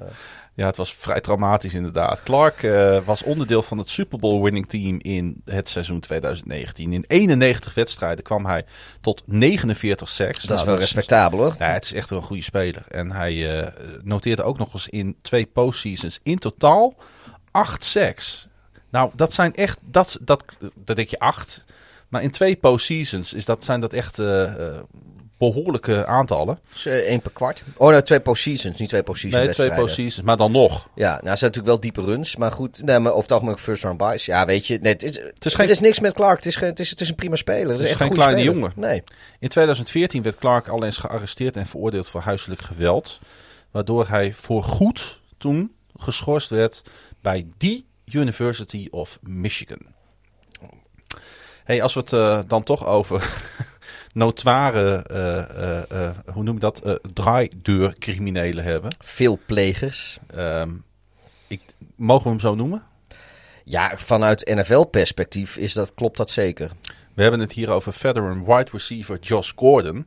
En opeens popt hij dan weer op in ons script. Ja, weer, weer is er een schorsing voorbij. Ja, hij wil terugkeren in de NFL. Dat heeft hij NFL-commissioner Roger Goodell middels een brief laten weten. En hij hoopt voor de start van training camps een eh, team te hebben gevonden. Nou, ehm, aan jou natuurlijk de vraag, Pieter. Hoe realistisch is dat? Welk team gaat zijn of haar vingers branden aan Josh Gordon? Ja, eh... Ik, denk niet dat de Patriots nog een keer in de vuik eh, lopen. Nee, dat, hoewel ze een, een nou, bijna ieder team kan een fitte eh Josh Gordon gebruiken. Maar de vraag is ook, weet je, hij heeft zo weinig gespeeld, zo weinig getraind. Hij is er zo lang uit geweest, er, mist zoveel. Ik denk niet dat er veel over is van de Josh Gordon die, wat was het, 2013 of zo, 2014, onze aller Mhm. harten eh, stuk. Ik weet nog dat ik hem eh, heb opgepikt dat toen in fantasy voetbal. Want ik had hem toevallig in een pre-season wedstrijd van de Browns tegen de Bears gezien. Ja. En toen, had, toen was hij ook een rookie. En ik had zoiets van, als die nog eh, in een latere ronde beschikbaar is, dan is hij voor mij. Die heeft me dat seizoen eh, goed veel punten opgeleverd. Totdat hij volgens mij zelfs in zijn eerste seizoen werd hij al een keer Werd geschorst. hij al geschorst inderdaad. Maar ja. eh, het, het, was, het was eventjes heel leuk. Bizarre veel punten voor een receiver had hij, weet ik nog wel. Ehm, maar goed, die Josh Gordon is niet meer. En, Nee. en hij, heeft, hij heeft al zo vaak... Is hij, kijk, je kan van alles vinden over of, of de NFL wel zo moeilijk moet doen over marihuana gebruik. Want laten we nou eerlijk zijn, niemand wordt er een betere American voetbalspeler van marihuana. Maar als je pijn hebt of stress hebt of wat dan ook van, vanwege American football, dan kan marihuana best wel een oplossing zijn voor sommige mensen. Eh, ja, weet je, ik vind het, eh, ik vind het raar dat, eh, dat je meer schorsing krijgt als je, als je een joint rookt dan als je je vrouw voor, voor, de, voor de gezicht slaat. Maar ja, weet je, regels zijn regels. Op een gegeven moment dan eh, zul je toch echt eh, moeten kiezen of ik ga marihuana gebruiken of ik ga eh, bakken met geld verdienen in de NFL. En Josh Gordon heeft die keuze nooit kunnen maken. En iedere keer als hij zei dat hij hem gemaakt had en had gekozen voor de NFL, dan viel hij toch weer terug. Ja, ik, ik denk niet dat er nog teams zijn die... die ja, weet je, dit is misschien typisch iets voor de Raiders of zo. Die, eh, die kunnen hier Ik nog wou, het, een keer... eh, eh, ik wou het zeggen. Er is maar één team wat bij mij opkomt. En dat zijn de Las Vegas Raiders. ja. In 2019 schorste de NFL Gordon voor onbepaalde tijd na diverse overtredingen met verboden middelen. En dat was op dat moment al zijn zesde schorsing sinds het seizoen 2013. Oh ja, het staat ook dus 2013. het is een soort van doorlopende eh, ja, ge- gedoe, gezeik. Ehm, ik denk dat we hem al te veel eer hebben gegeven de afgelopen 3,5 minuut. En eh, Ja, nogmaals, ik heb geen enkel probleem in dat, eh, dat mensen eh blowen of zo. Maar als jij je geld wil verdienen in een league waarvan je weet dat dat iets is wat je niet moet doen. Ja, dan moet je gewoon een volwassen kerel zijn en die knoop doorhakken. ja. Heb jij, had jij iets met de XFL? De XFL? Ja, hadden wij daar niet ons... St. Louis, hè?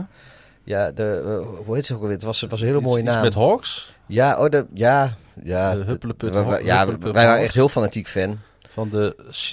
Louis. God, moeten we, dat zelfs zo gaan googelen, hè? Ja, er was ook... eh, je had ook nog iets van slangen ergens in Florida. De, Bay- Battlehawks. Oh ja, de Battlehawks. Maar dat vonden we gewoon mooi. De, de Ja, en Battlehawks. ik wou voor een team zijn wat niet op dat moment een team in de NFL had. Ja, want je had volgens mij ook de Tampa Bay Vipers of Ja. zo. Die had je ook. Ja, En daar weet ik nog wel, dat was de Talk Shit Get Bit. was hun leus, o- officieus. Hey, dat ruimt Ja, ik vond het echt waanzinnig ook dat daar dan publiek op de tribune staat. Wat helemaal uitgedost in eh, in, in de kledij van een team wat net is opgericht daar Ja, eh, gek dat- staat te doen. Dat- ik, ja, ik vond het mooi. Onmiddellijk commitment zeg maar van de Amerikanen. Ja, Nee, de XFL heeft namelijk vergevorderde plannen om in 2023 terug te keren. En dat is dan wel interessant in een collab, dus in een samenwerking met de Canadian Football League. Dat is dus... eh, dan gaan ze spelen voor de, voor de Grey Cup. Ja. En als dat inderdaad samensmelt, ik denk dat ze dan een sterkere eh, eh, league hebben dan als ze afzonderlijk van elkaar opereren. Willen, willen die Canadezen dat wel? Nou, schijnbaar. Want die hebben natuurlijk best een, een behoorlijk... eh, ja, die hebben best wel goed product eigenlijk. Die hebben ook een paar mooie teams. Of in ieder geval... Ja, die hebben er wel traditie in zitten. XFL zou eigenlijk in 2022 terugkeren, maar de Canadian Football League gaat komende augustus gewoon weer van start. En voor de mensen die erin geïnteresseerd zijn, ik zag dat het programma ook al bekend is. Ik weet alleen de Vancouver Al- Alouettes. Of is dat Montreal? Ja, dat is Montreal. De Montreal Alouettes. Die Ja. winnen het meest volgens mij. De Alouettes. Ja. Ja, en daar was eh jou ook niet onbekende eh, voormalig Ravens offensive coordinator, maar ook voorma voormalig Bears hoofdcoach. Die heeft daar eh, Grey Cups gewonnen. Mark Trestman. Mark Trestman, ja, het was niet zo'n succes in Baltimore. Nee, het was ook niet zo'n succes, succes in Chicago. Maar in de, in de CFL was, eh, was hij eh, heel goed. Hey, we gaan even inzoomen op een van onze favoriete teams, de New England Patriots. Want daar gebeurt veel dit jaar.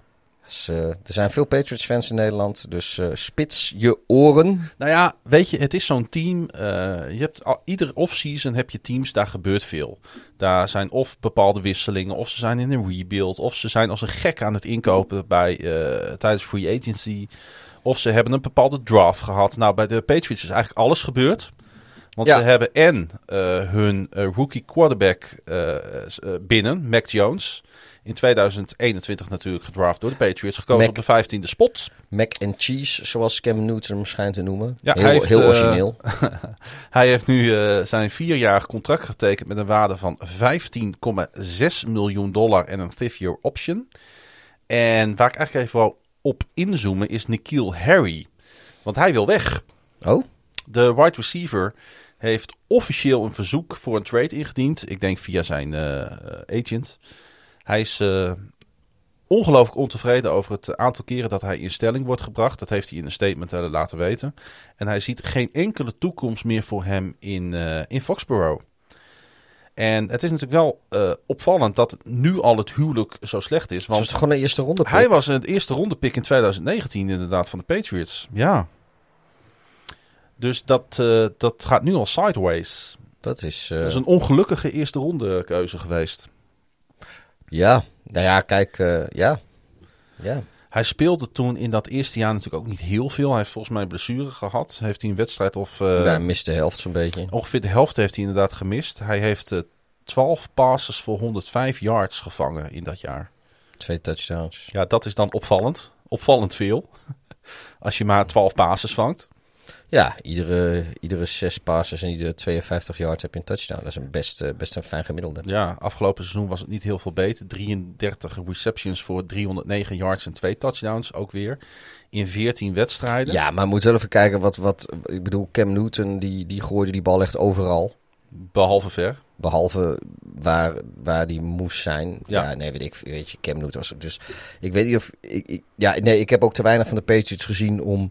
eh, nu heel eh, overtuigd te kunnen zeggen van Nikhil Harry is niet goed genoeg. Het is logisch dat hij niet speelt. Of Nikhil Harry is ook een beetje slachtoffer van eh, het wegvallen van heel veel kwaliteit. Nou, het ik- afgelopen seizoen. Ik doe maar gewoon een beetje aan scorebordjournalistiek. En ik denk, eerste ronde pick 2019.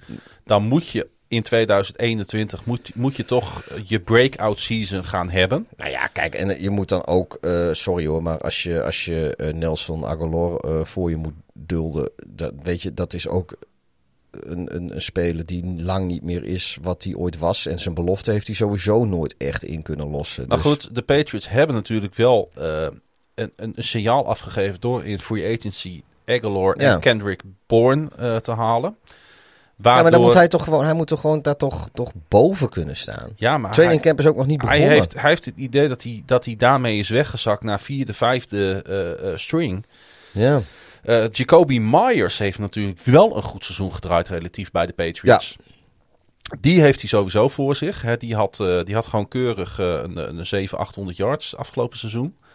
Dus daar was niet zoveel mis mee. Ja, en ik denk toch dat die Aguilar en ik denk ook Bourne, dat hij die als te veel concurrentie beschouwt. Ja, maar ja, die Born, daar, daar, ja, weet je, daar weet ik niet heel veel van. Nee, maar Maar die, het is eh, voor met hem dus reden genoeg Ja, om, maar eh, als- om als jij- zeggen van ik wil, hier, eh, ik wil hier weg en nooit meer heen. Nou, weet je, als, eh, als ik een NFL-team had, dan heb ik, heb ik zoiets van, joh, een eerste ronde pick die de, die, de, die de concurrentie met het opgewarmde lichaam van Aguilar al niet aan wil gaan.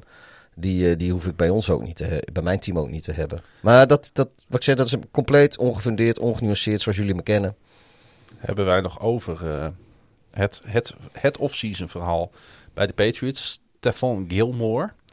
Wij, Ja, nu ga ik mezelf even op de borst kloppen. we hebben, we hebben een, eh, in een half uur eh, tijd hebben wij alle teams ongeveer waar hij terecht zou kunnen komen, hebben wij benoemd.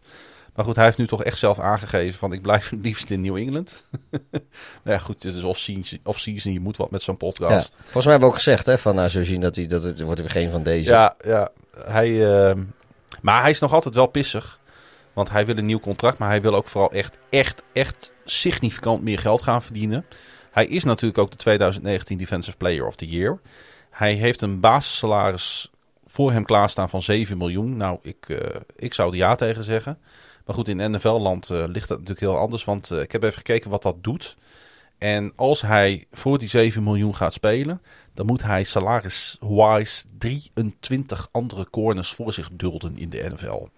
Ja, ik- dat ik- is wel veel. Ik weet, hij Voor is- een speler ik, van ik, zijn Ik denk wel dat hij beter is dan de 24ste corner in de league. Maar hij is, vind ik nog steeds... Hij, ik, weet, ik, ik weet niet of ik hem top 5 vind. Ik zou hem geen top 5 geld Ja, geven. hij vindt zelf van wel.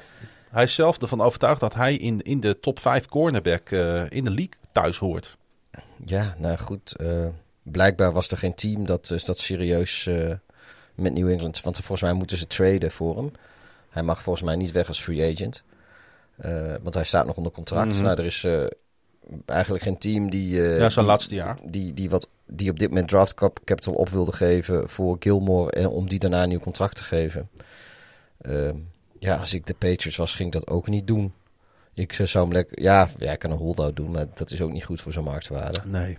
Ehm, ja, ik zou hem ook... ook ik- ja, weet je, als, hij- als hij zoveel geld wil hebben als een New England zegt van... Nou, weet je, dan best hem maar weer en probeer je geluk maar op de free agency markt volgend jaar. Heeft Mac Jones zijn contract getekend? Nou, Jacksonville Jaguars quarterback en nummer 1 overall pick Trevor Lawrence ook.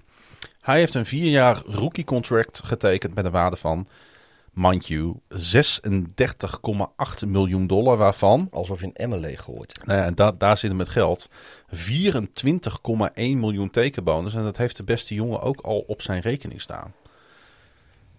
Ik, eh, Zonder een bal gegooid te hebben in de NFL heeft deze jongen 24 miljoen binnengehaald. Lekker toch? Weet je, ik, ik baal nog altijd dat ik... eh, geen NFL-quarterback ben. Ja. De verwachting is natuurlijk dat Lawrence onmiddellijk de starter is voor eh, Jacksonville. En ik dacht, ah, ik, ga toch, ik ga dit gewoon even benoemen, want daar hou ik van. Bij Clemson noteerde hij namelijk een 34-2 record. En daarmee heeft hij het op twee na beste winning percentage door een startende quarterback in college football sinds 1978 met minimaal 30 starts. Nou, is dat niet een hele fijne statistiek?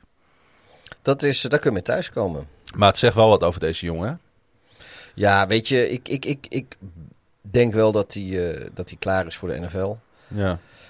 Eh, ik weet niet of ik, eh, eh, ja, of, of ik hem die absolute grootsheid toedicht die iedereen op dit moment doet. Weet je, ik ben nog wel een beetje, ja. Kijk, we hebben vaak gezegd dat de Jaguars is een gespreid bedje om, om nu naar binnen te gaan. Maar het is niet zo alsof dat ze direct voor de prijzen gaan spelen en dat alles daar al klopt. Eh, dus in die zin eh, denk ik wel dat we eh, een beetje, een beetje onze verwachtingen bij moeten stellen. Want hij, ga- hij gaat natuurlijk wel voor de Jaguars spelen en niet voor een absolute powerhouse van een team die eigenlijk al eh, één quarterback verwijderd is van, van, van, van een diepe playoff run. Goed, Pieter, feestelijk nieuws.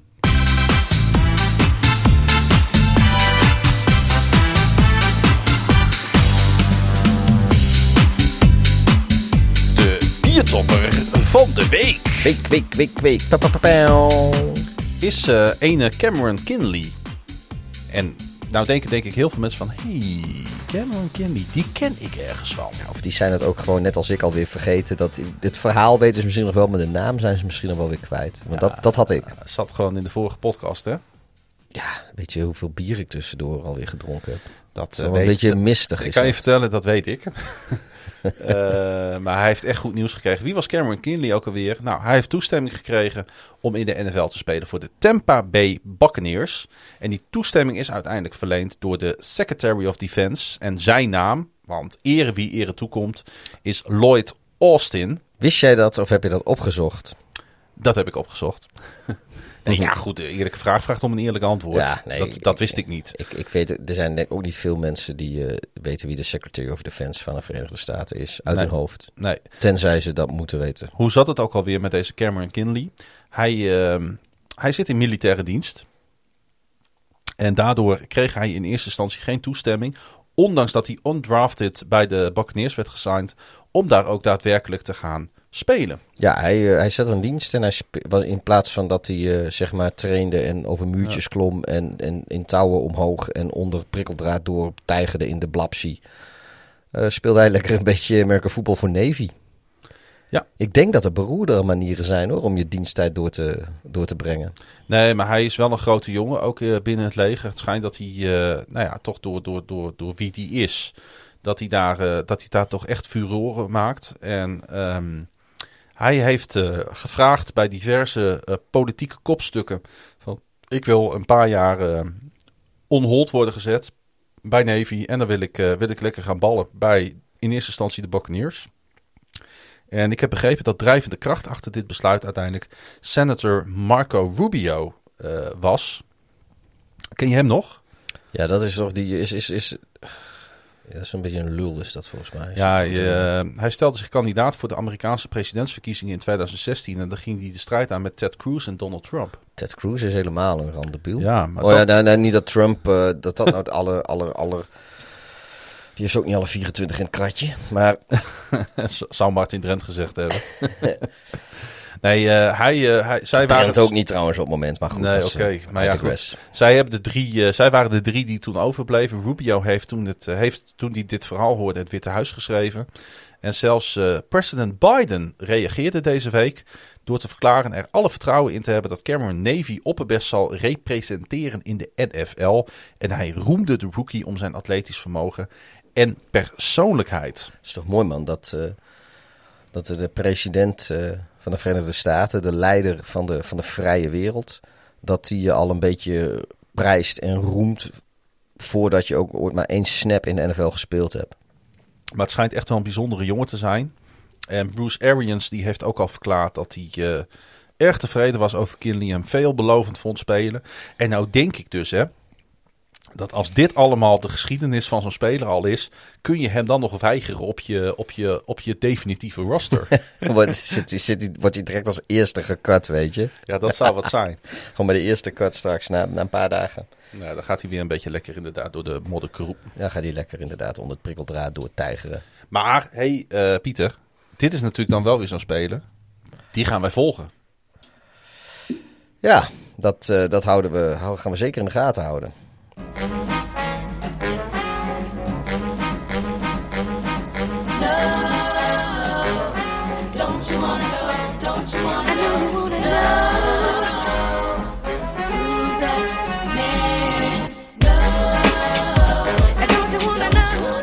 De Who's That Man van eh, deze week. We kennen hem allemaal, denk ik. Ik Ook denk- alle luisteraars. Ik denk het wel. Het gaat om Scott Richard Hansen. Normaal komen we met spelers die, eh, die heel veel mensen niet kennen of eh, uit een grijs verleden. Ja. En nu komen we, denk ik, met iedereen die, eh, die we wekelijks zien in de NFL. Scott Hansen is geboren op 24 juni 1971 in Rochester, Michigan. En ehm, je zou hem... eh, oh, dat is het verkeerde. Die stond nog aan. Je zou hem hiervan kunnen kennen. And here we go. Hi, everyone. Welcome to week one of the 2009 NFL season, and welcome to NFL Red Zone. I'm your host, Scott Hansen. You're watching the first moments of the channel that we hope will change the way you watch football forever. Dat was volgens mij de allereerste keer dat hij te horen was, hè?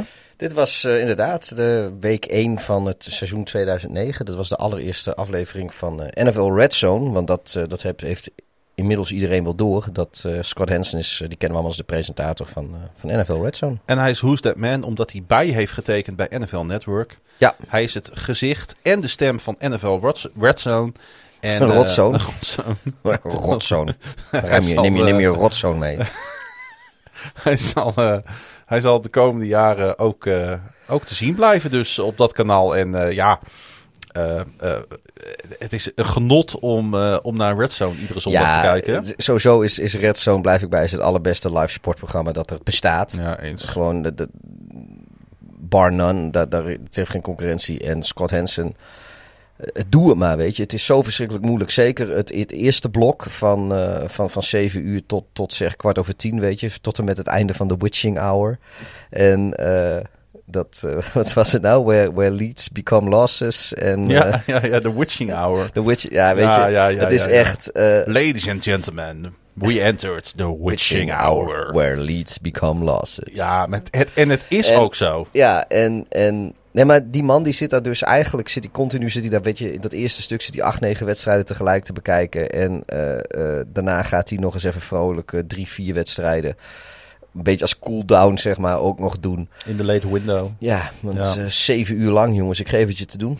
Iedere keer weer. Hij heeft er, eh, ja, ik weet niet eens hoeveel, maar ik geloof dat ze ergens eh, vorig seizoen of twee seizoenen terug hadden ze de 200ste aflevering. Dus Zullen we naar de geografie gaan? ga jij eens je, je Who's That Man ding doen, want daar ben je goed in. Nou, ik vertelde al dat hij geboren is in Rochester. En er zijn meerdere, zoals dat vaak is, Rochesters in, in Amerika. Maar deze is in Michigan. Ik ken er ook een in New York. Klopt. Dat is een wat grotere stad ook. Maar eh, Rochester is een stadje in Oakland County in Michigan. En daar wonen ongeveer 13.000 mensen. En dat zijn de plaatsen waar wij het meest fan van zijn. Hè? Ja, de, de, de, net groot genoeg om, om een verhaal te hebben, maar dusdanig klein dat geen van onze luisteraars dat verhaal kent. Eh, Rochester is dan ook vergelijkbaar met bijvoorbeeld het Friese Wolvenga of het Zeeuwse Capelle. ja, daar wonen ook 13.000 mensen. Feitelijk is het een suburb ten noorden van de stad Detroit.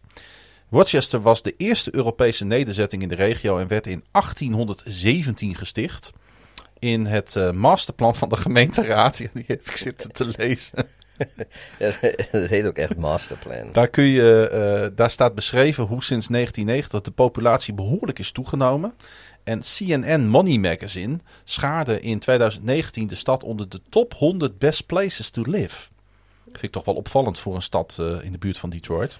Nou ja, de Detroit zelf en, de, en, en downtown daar, dat wil je gewoon niet, eh daar, daar is gewoon, nou, het is gewoon dood niet gevonden worden. Maar dat komt ook omdat er een soort white flight geweest is. Dat eh, alle witte mensen, die gingen lekker naar de, naar Ja. de suburbs. En dan gingen ze hartstikke leuke, leuke buurten en, en, en stadjes en zo. wat dat super veilig en ja, En zoals de mensen weten... bijna apartheidachtig. Ja, dat, dat zwarte mensen waren er niet of nauwelijks in die.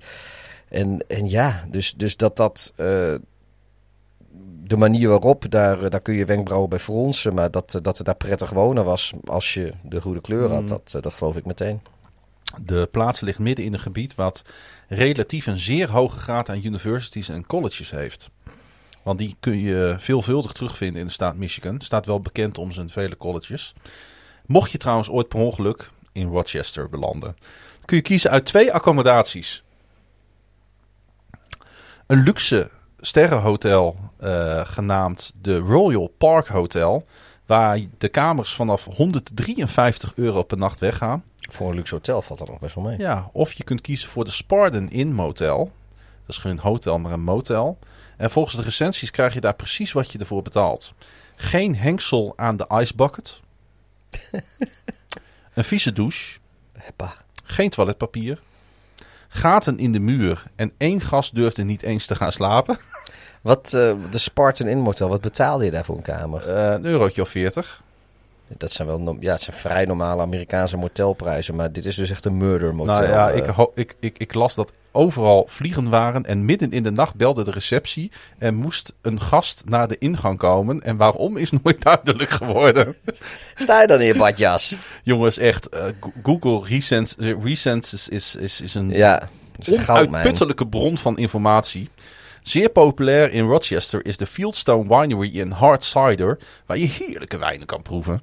En in de omgeving kun je hele mooie trails maken. Bijvoorbeeld de Dinosaur Hill Nature Preserve Trail. Nou, dat, dat, dat laatste, dat is niks voor ons. Want dat, dat gewandel of gefietsen op zo'n op zo'n pad, dat, nou, dan heb, ik, dan heb ik iets anders voor je. Want bij de Maar- Penny Black kun je prima bacon egg cheeseburgers kri- krijgen. Dat lijkt me heel prettig zo na het wijnproeven. Zou je die even willen noteren? Ja, we komen er toch in de buurt.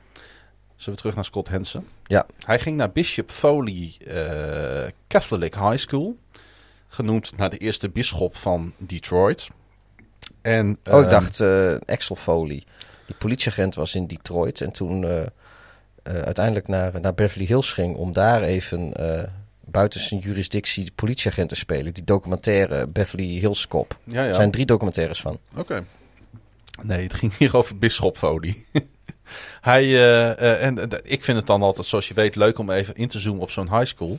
En jawel, er is één NFL-speler voortgekomen uit deze high school. Namelijk ene Mark Campbell. Deze tight end speelde tussen 1999 en 2008 in de NFL. En dat is toch knap, want hij kwam undrafted bij de Cleveland Browns binnen in 1999. In totaal noteerde hij in al die jaren 146 receptions voor 1356 receiving yards en 12 receiving touchdowns. In 2001 brak hij zijn been. En bij de Bills was hij de afgevaardigde voor Buffalo in de NFL Players Association.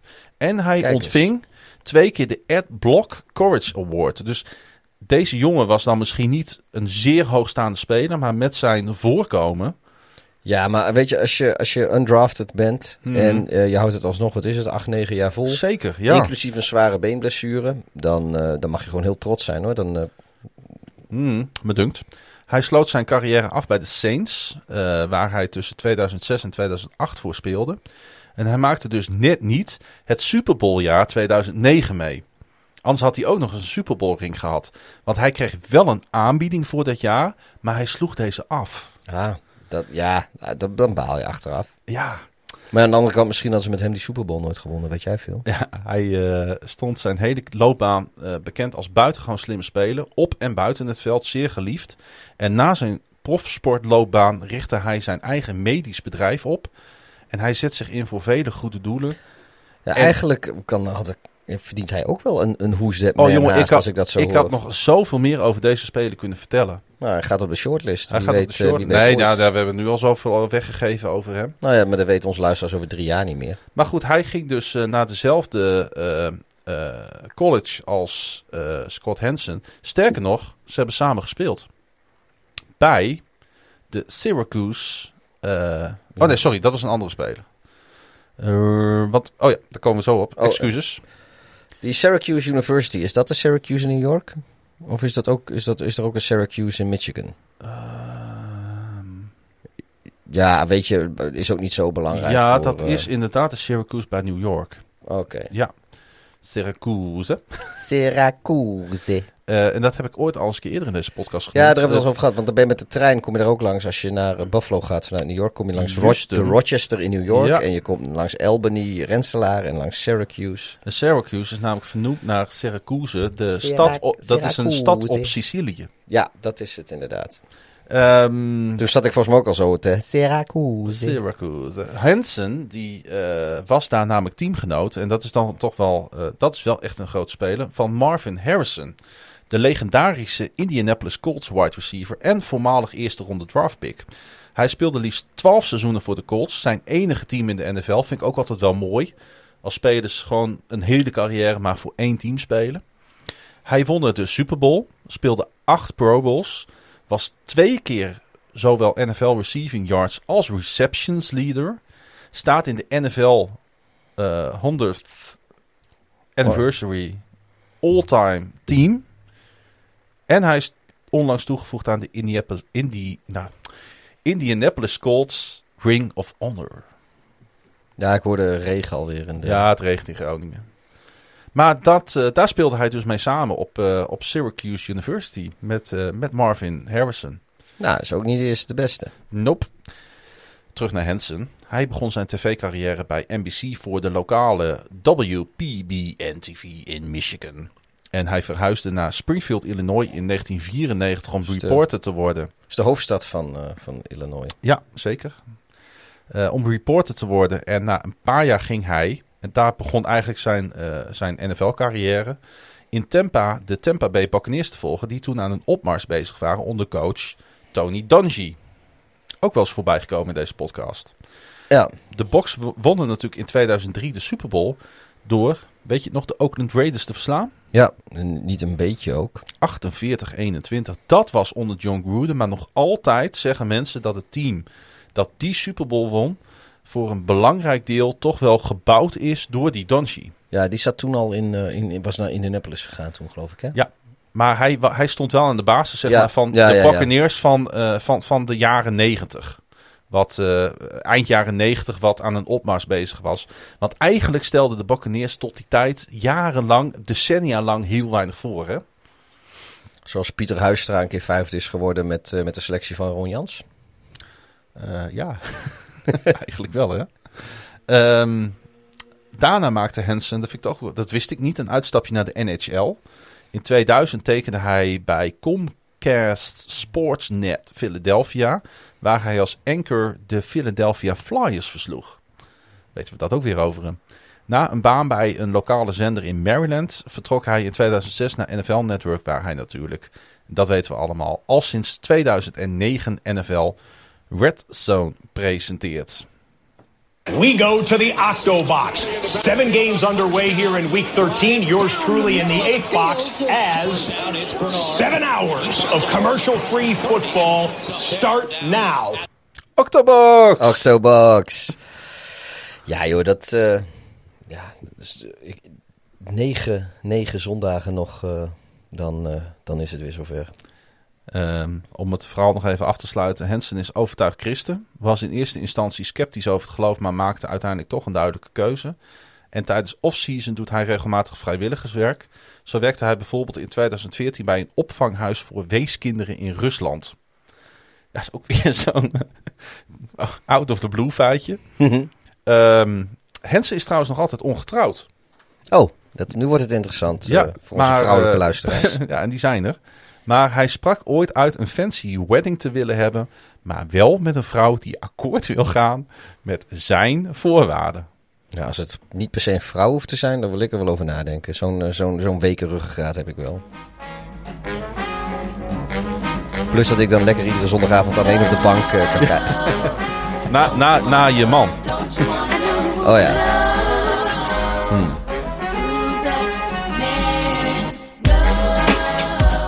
De Who's That Man van deze week is niemand minder dan Scott Hansen. Mooi man. Hey, eh, moeten we het over, eh, over Chicago gaan hebben? Ik, eh, ik dacht dat je het nooit zou vragen. Nou ja, we hebben het natuurlijk vorige keer hier ook al over gehad, maar er kwam toch weer een vraag over binnen. En ik dacht, misschien is het toch wel de moeite waard om het nog wat dieper op in te duiken. Want ja, ach, het is off-season en het betekent nogal wat voor deze franchise. Ik wil wel even bij deze alvast vaststellen wie, wie dit in het strip gezet heeft eh, eh, van ons twee. Dat was eh, ik namelijk niet. Nee, dat was ik. Deze ja, keer. dit was voor mij ook een verrassing dat, dat dit erin zat. Dus Nick de Groot, die kwam op Twitter met de volgende vraag. Heren, wat vinden jullie van de ontwikkeling dat de Chicago Bears eventueel weggaan van Soldier Field naar Arlington Heights? groot Bears-fan ook, die eh, Nick de Groot. was. Zeker is hij dat. Ehm eens even terug in de geschiedenis, Pieter. Want hoe lang spelen de Chicago Bears nu op, eh op Soldier Field? Eh, ja, zo'n zo'n 50 jaar. Ja, dat is, sinds 1971. Het is ongeveer net zo sinds FC Groningen bestaat. ja inderdaad. 1971, Soldier Field. Dat daarvoor, was, eh, eh, daarvoor speelden ze op Wrigley. Nou, eh, dat klopt onder, inderdaad. andere, onder andere. Maar 1971 is ook niet helemaal een jaartal wat natuurlijk uit de lucht geplukt is. Want het was ook het jaar van de fusie en het ontstaan van de NFL zoals we die vandaag de dag nog altijd kennen. Ja, Eh, je had toen eh, twee leagues. de, de EFL en de NFL merger. Exact. Toen, Waar we nog altijd nu de AFC en de NFC conferences van hebben. Want daar komt, daar komt de oorsprong vandaan. Ehm, en de Bears die gingen op Soldier Field spelen. Omdat alle stadions een minimumcapaciteit van 60.000 moesten hebben. Wist je dat? ja, nou ja, de, toevallig wist ik dit, want eh, Wrigley was daar te klein voor. Precies, want daarvoor speelden ze inderdaad op Wrigley Field. Het eh, eh, legendarische baseballstadion van de Chicago Cubs. Ja.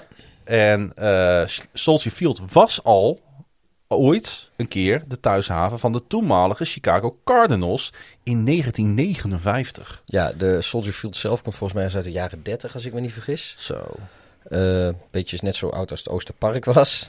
en ehm, ja, de Cardinals die zijn natuurlijk, eh, ja, dat, die, die zijn eh, franchise member van de, van de NFL samen met de Bears. zijn de enige twee teams die er al vanaf het allereerste jaar bij zijn. Maar de Cardinals die zijn op een gegeven moment weggegaan uit Chicago. eh, die zijn naar St. Louis gegaan, waar ze de St. Louis Cardinals werden. Toen was het eh, lekker verwarrend, want toen hadden de St. Louis twee Cardinals teams. Ja. Een, eh, een honkbalteam en een, en een, en een American voetbalteam. Ehm, en uiteindelijk zijn ze ja, in, bij Phoenix terechtgekomen, in Glendale. En zijn ze de Arizona Cardinals. Maar Na 1959 eh, speelde 12 jaar lang er geen NFL-team op Soldier Field. En grappig genoeg was er toen een overweging van George Hallis om de Bears te verhuizen naar Arlington Heights. Dus dit hele verhaal heeft ooit eerder gespeeld. Ben ik achtergekomen. Ja, jij wist dit natuurlijk. Maar Ja, voor ik- mij was ja. dit een hele ontdekkingsreis. Ehm, en even terug naar nu. Ehm, maar niet alleen nu. Eigenlijk, volgens mij, en je moet me verbeteren als ik het niet goed heb. De Bears klagen volgens mij al heel lang over dat leaseplan. Ehm wat, wat, ja, wat, er, wat er op tafel ligt met, met, eh, nou, weet je, het is niet zozeer met, de, dat- huid, met, de, met de stadionbeheerder. Ja, het, het is niet, niet eens zozeer dat, dat, dat de Bears het meeste betalen eh, voor, voor een stadion. Wat, wat deels wel waar is. Maar de Bears zijn... Nou, relatief eh, wel, een- denk ik. Ja, maar de Bears zijn eigenlijk een van de, van de weinige teams in de, in de NFL die hun stadion niet in bezit hebben. En dat is natuurlijk voor een franchise met zo'n grote waarde wel apart. Ja, die, eh, dat, dat, kijk, ze, het, het is een beetje een, een, een hele lastige situatie waar ze in zitten. Want eh, nou, we, hebben het, we hebben het al eens eerder gezegd, de, de ligging van Soldier Field is echt schitterend. En eh, iconisch ook eh, zo voor, voor de, de skyline en aan het meer. En ja, weet je, dat, dat, dat speelt ontegenzeggelijk mee met de uitstraling die de, die de Bears hebben. Maar eigenlijk willen ze gewoon een eigen stadion hebben. Eh, omdat zij het kleinste stadion op dit moment in de NFL zijn, zijn ook de kaartjes erg duur. Eh, volgens ehm, eh, nou ja, het artikel wat ik hierover las, kost een kaartje bij de Bears gemiddeld 727 dollar. Ja. Wil je naar de Bears, dan ben je dus vaak al minimaal 250 dollar kwijt. Voor de, voor de goedkoopste plekken, ja, daar weten wij alles van. En de duurdere plekken, dan moet je echt al denken aan 1500, 2000 dollar. Vandaar ook die hoge gemiddelde prijs natuurlijk. Ja, maar goed, wat, wat hebben wij betaald? eh, Ja, eh, ook zoiets. eh, En deze keer, deze keer betalen we ook weer, zitten we ook ergens... Eh, 300 dollar Het gaat richting de 300. Ja, twee jaar geleden hebben we... Oh, ja, toen was het wat toen goedkoper. was het wat goedkoper maar, tegen de Giants. ja, maar het was nog steeds volgens mij 100... Ging ging wel tegen de richting de 200 volgens mij, 170 of zoiets. ja. En, eh, nou, en ik ben er nog een keer geweest. Ja, dat was, dat was een Monday Night Football home opener, de week 2. Ehm, en die, was, die, die, die zat ook eh, rond de 300, 300 dollar. Ja, zoiets was het wel. En dan zit je een beetje rechtsboven in te koekeloeren, zeg maar. Ja, kijk, weet je, wij zijn Europese voetbalsupporters in de zin van eh, soccer, veldvoetbal. Mhm. En zolang als wij naar voetbal gaan, en we gaan al een poosje en ook een poosje met elkaar, wij, wij houden ervan om achter het doel te staan. Ja. En eh, dat hebben we eigenlijk bij American Football doen we dat ook met liefde. Maar Ja. het is, eh, eigenlijk zijn het in American Football veel slechtere plekken dan in het, eh, in het Europese voetbal. Ehm, ja, kijk, je wil eigenlijk gewoon aan de lange zijde zitten. Als je ja, een beetje hoog heb je ook nog mooi overzicht. Mhm. Maar goed, dat. ja, ik zeg, de, tw- de 250 of 300 dollar. Dan zit je dus op de tweede of derde ring eh, achter, eh, achter de endzone. Nou, het blijkt dus ook wel dat de Bears hun, eh, hun ticketprijzen graag wat willen verlagen. Want ze vinden het zelf ook aan de hoge kant wat ze vragen aan de fans. Ja, ze, ze willen wel een beetje. Want Chicago is een beetje een blue-collar stad. En ja, de Cubs dan niet zozeer. Maar de White Sox en de Blackhawks en de Bears. die hebben allemaal een beetje een, ook een blue-collar uitstraling. Maar Nou ja, de, de Bears hebben bepaald geen blue-collar prijzen. Nee. En een groter stadion gaat daarbij in principe natuurlijk wel helpen. Zeker op termijn. Groot voordeel van een verhuizing zou zijn dat de Bears letterlijk tussen de fans komen. Dan denk je, hè? Ze gaan toch weg uit de stad? Nou, de meeste fans wonen in de suburbs en niet in de stad. En dat geldt natuurlijk voor heel veel profteams in Amerika. Hè? Als, als, als, hè? Toch? Ja, nou kijk, Chicago, daar wonen, eh, ik geloof, de stad Chicago wonen iets van 2 miljoen mensen. Maar de, de, de, het suburban gebied Chicagoland, zeg maar, dat is het 8 miljoen, 10 miljoen, weet ik veel.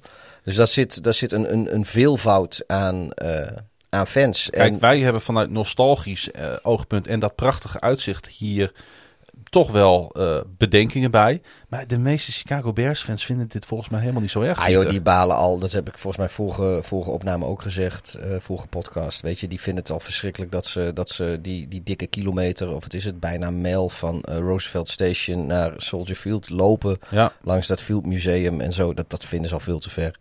het is ook een tippeltje. Ja, ja, eh, dat, klopt. Maar Maar ik vind juist die gang naar zo'n stadion met al die mensen en dan al die merch en eetkraampjes. Ja, ik vind dat wel wat hebben. ja, het is ongeveer net zo ver als van de Waterloopbar naar de Euroborg. Ja, Nou, daar hebben we het over. Ja, dat, dat liepen we vroeger ook met plezier. Totdat we in één keer bedachten van, oh god, waarom doen we dat eigenlijk? We zijn niet toch met de fiets. We kunnen ook gaan fietsen inderdaad. Maar eh, ja, Hey, als alle NFL-eigenaars toestemming geven, dan kunnen de Bears van hun leasecontract af. Dat is op zich geen issue, maar dan moet er wel leaguebreed toestemming voor gegeven worden. Eh, heb, van- wat ik daarover heb begrepen. Ehm, het nieuwe stadion, waar komt het nou precies te liggen? Nou, op ongeveer een uur rijden van het huidige Soldier Field. 25 mijl vanaf downtown Chicago. En dat is vergelijkbaar met bijvoorbeeld de afstand tussen bijvoorbeeld Arlington en Dallas. Als je dat Ja. wil vergelijken met een ander team. Waar natuurlijk het stadion van de Cowboys staat. ik denk trouwens niet dat de Bears zomaar van hun leasecontract afgaan hoor. Want dat loopt tot 2033. Dat is nog ver, dat is nog eh, eh, 12 jaar. Maar Maar voordat Eh, dat nieuwe voor- stadion voor- er staat. dat, dat, kijk, als die naar Arlington Heights gaat, weet je, dan moet eerst, eerst moet, moet deze hele koop moet afgerond worden. Dan moet eh, alles wat er staat afgebroken worden. Er moeten plannen komen, er moeten dingen gebouwd worden. Dat, weet je, de, voor je het weet is het, eh, is het al 2030. En misschien dat ze dan, als, het, als dat allemaal klaar is, dat ze dan inderdaad de laatste drie Beetje, jaar... beetje verwarrend dat ik het net over Arlington, het stadion van de Dallas Cowboys had. En dat het Arlington Heights is. Maar ja, dat eh, tezijde. Eh, of denkt mijn brein alleen maar zo. Hey, eh, komt er nog gedoe over de naam Chicago Bears? volgens Laurie Lightfoot, eh, de burgemeester van Chicago, die heeft inderdaad wel gezegd van nou, als ze niet meer in Chicago spelen, dan, eh, dan is nog maar de vraag of ze de naam Chicago mogen voeren. Want het is natuurlijk de naam van een stad. Het is in principe, mag je het vrij gebruiken. Het is niet getrademarkt. Maar ik geloof wel dat eh, Chicago zegt van ja, maar als je de naam van de stad gebruikt voor commerciële eh, doeleinden, om er zelf beter van te worden, dan kun- kunnen daar volgens mij wel restricties aan opgelegd worden. Hoe dat precies eh, zit, juridisch, weet ik niet. Maar een NFL-team, wat in principe gewoon een commercieel bedrijf is, als die zichzelf de Chicago Bears noemt, terwijl de stad Chicago dat niet wil, dan weet ik niet eh, of dat allemaal zomaar mogelijk is. Aan de andere kant, ehm, ik heb eens even gekeken naar eh, teams die buiten hun naamslocatie spelen. Interessant om eens een keer eh, te er, nemen. zijn er echt heel veel. Nou, het valt mee. Het gaat om de New York eh, Giants en de Jets natuurlijk. Die beiden in de staat New Jersey spelen. Ja, dus die spelen niet eens in hun eigen staat. Juist. Kun je nagaan. We hebben het natuurlijk ook over de LA Rams en Chargers. Want die spelen in Inglewood, California. Eh, de San Francisco 49ers, nou, die spelen wel heel ver van San Francisco. Die spelen in Santa Clara. Nou, zoek het maar eens op op de kaart. Daar, dat heeft helemaal niets meer met San Francisco te maken. Nee. Ehm, ik heb het eens een keer uitgerekend omdat ik daar een keer was in San Francisco. Het was meer dan twee uur met openbaar vervoer naar het stadion van de 49ers. Vanuit de binnenstad van, eh, van San Francisco. Dat is wel een eindje. De Las Vegas Raiders spelen niet in Las Vegas. Paradise. Ja. De Dallas Cowboys spelen in Arlington. Washington voetbalteam. Spelen ook niet in hun eigen... Maar goed, Washington D.C., dat is natuurlijk ook niet echt een staat. Nou, maar- is een ju- juris- jurisdictie, zeg maar. Ja. Eh, maar eh, Ze willen trouwens wel eh, staat worden. En ik geloof ook dat er vergaande plannen zijn om dat te doen. Dat ze de 51ste staat worden. Maar goed, wil je Washington voetbalteam zien spelen, dan moet je terug. In ons geval, als wij die reis gaan maken naar Maryland. Ja. Die spelen in Landover.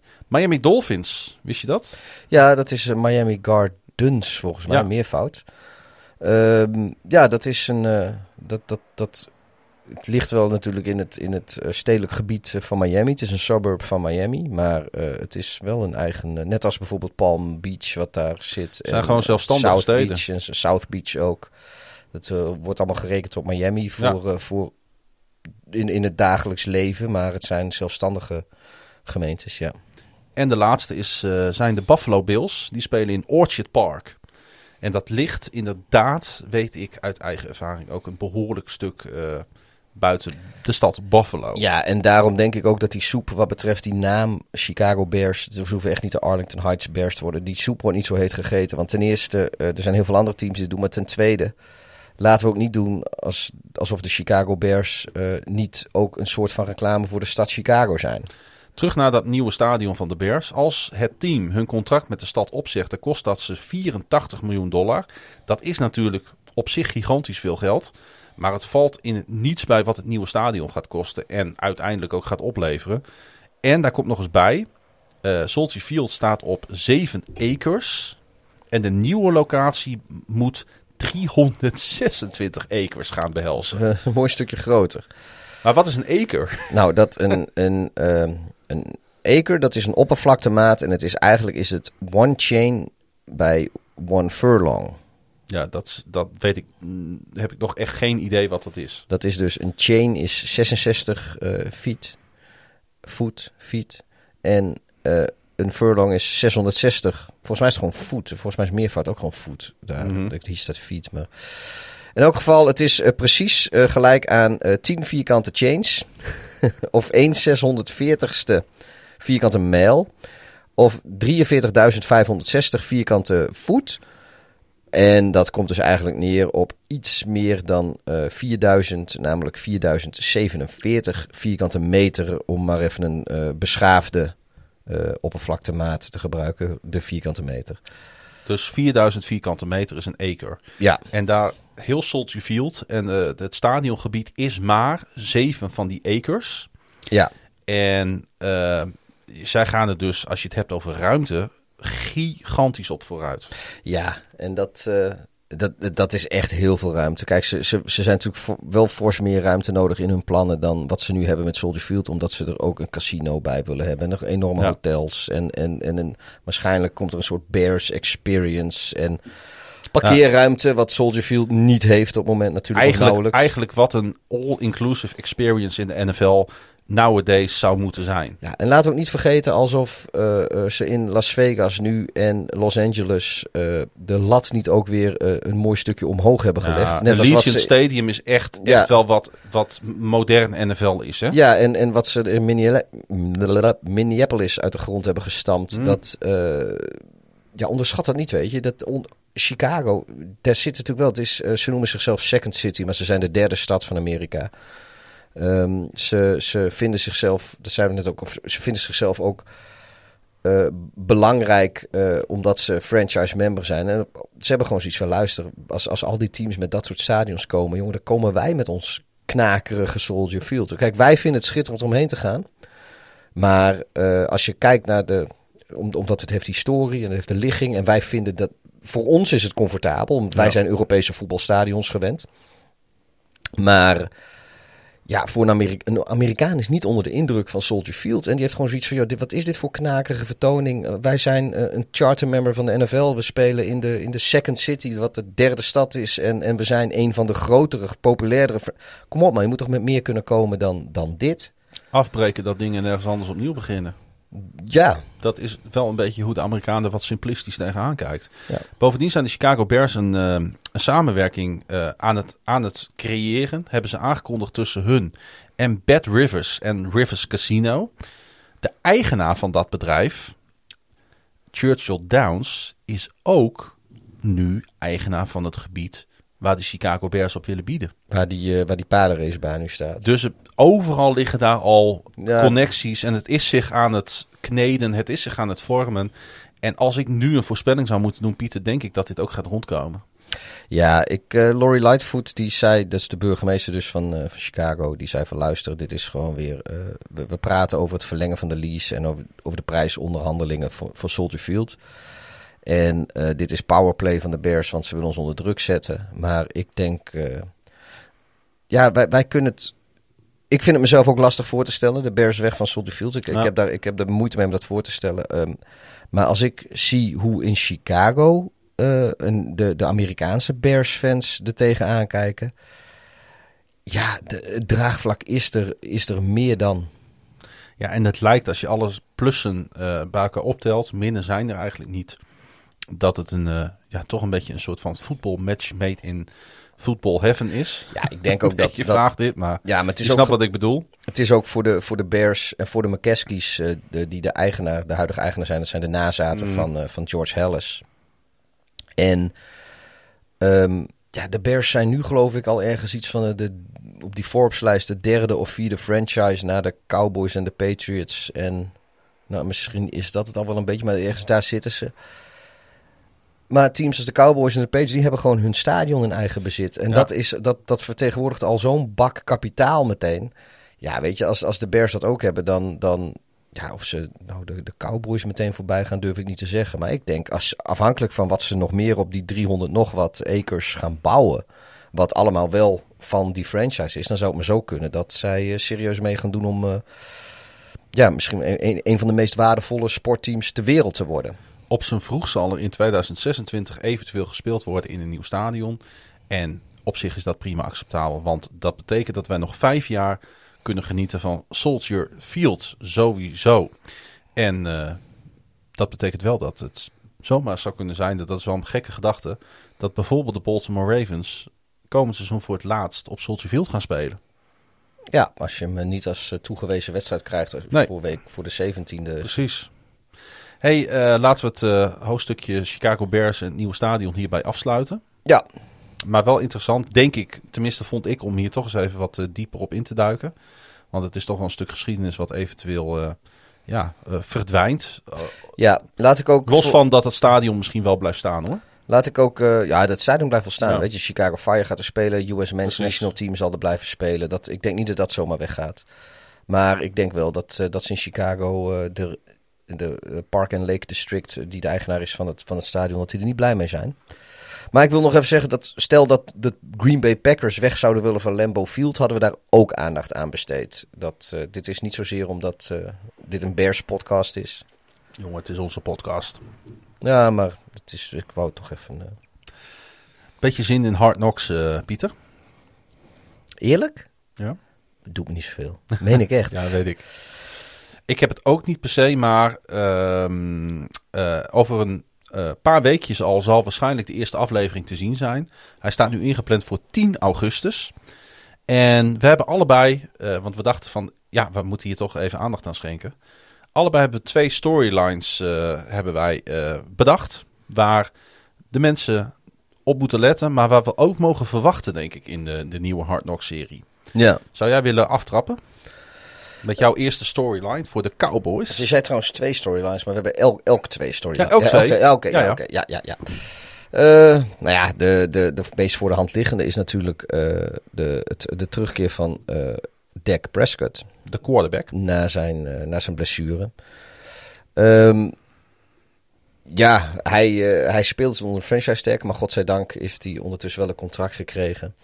Een vierjarige deal met een waarde van 160 miljoen dollar, als ik me niet Het vergis. is echt een, een, een dik contract. Ja. Ehm, maar goed, eh, ja, het is nu even de vraag of hij eh, al dat geld waard is. Want ja, niemand weet eigenlijk hoe hij uit die blessure gekomen is.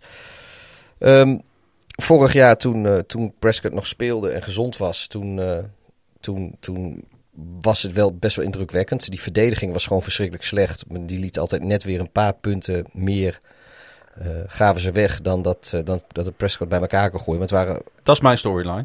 Oh, sorry. Niet te veel verklappen. Maar eh, ja, weet je, nee, maar Prescott die zet wel gewoon hoog in de 30 eh, Zeker. of zelfs in de 40 punten op het bord af en toe. En dat, eh, ja, weet je, ongeacht wie je tegenstander is, dat zijn, eh, dat zijn geen kinderachtige prestaties. Maar dus een gezonde Prescott. een gezonde Prescott, die, ja, dat, dat zeg ik, weet je. die- daar een- heb met- je heel veel aan. Maar met een wide receiver corps, een Mary Cooper, CD Michael Gallup en natuurlijk CD Lamp. Wow. Ja, dat, dat, nee, dat moet helemaal goed komen. Ja. Ja, het is, maar het, ja, is, eh, het wordt wel interessant om tijdens Hard Knocks, maar ook die eerste preseason wedstrijden, dus een beetje te gaan kijken hoe beweegt hij Hoe zeker staat hij op z'n Hoe zijn zeker staat hij op zijn beentjes inderdaad. Je gaat toch naar die lichaamstaal kijken. Ja, ik, eh, ik ben daar wel benieuwd naar. Ik ook, zeker weten. Ehm, je verklapt het al een beetje. En mijn storyline is... ehm, Ja, ik had nog niks verklapt. Jij verklapt Ja, het door dat- te zeggen dat dat jouw storyline was. Ho even, dan Ach, moet je... Nee, nee. Even zelf je eigen, een klein beetje teleurgesteld. eigen verantwoordelijkheid maar het nemen. valt niets bij de teleurstelling van gisteravond. Dus, dat, dat is eh, ook weer waar. Nee, eh, eh, dus een van die storylines is natuurlijk... Lukt het Dallas om die defense weer op de rails te krijgen? Ehm, en vorig jaar speelde die defense onder Mike Nolan. Die overigens geboren werd in Baltimore, maar dat tezijde.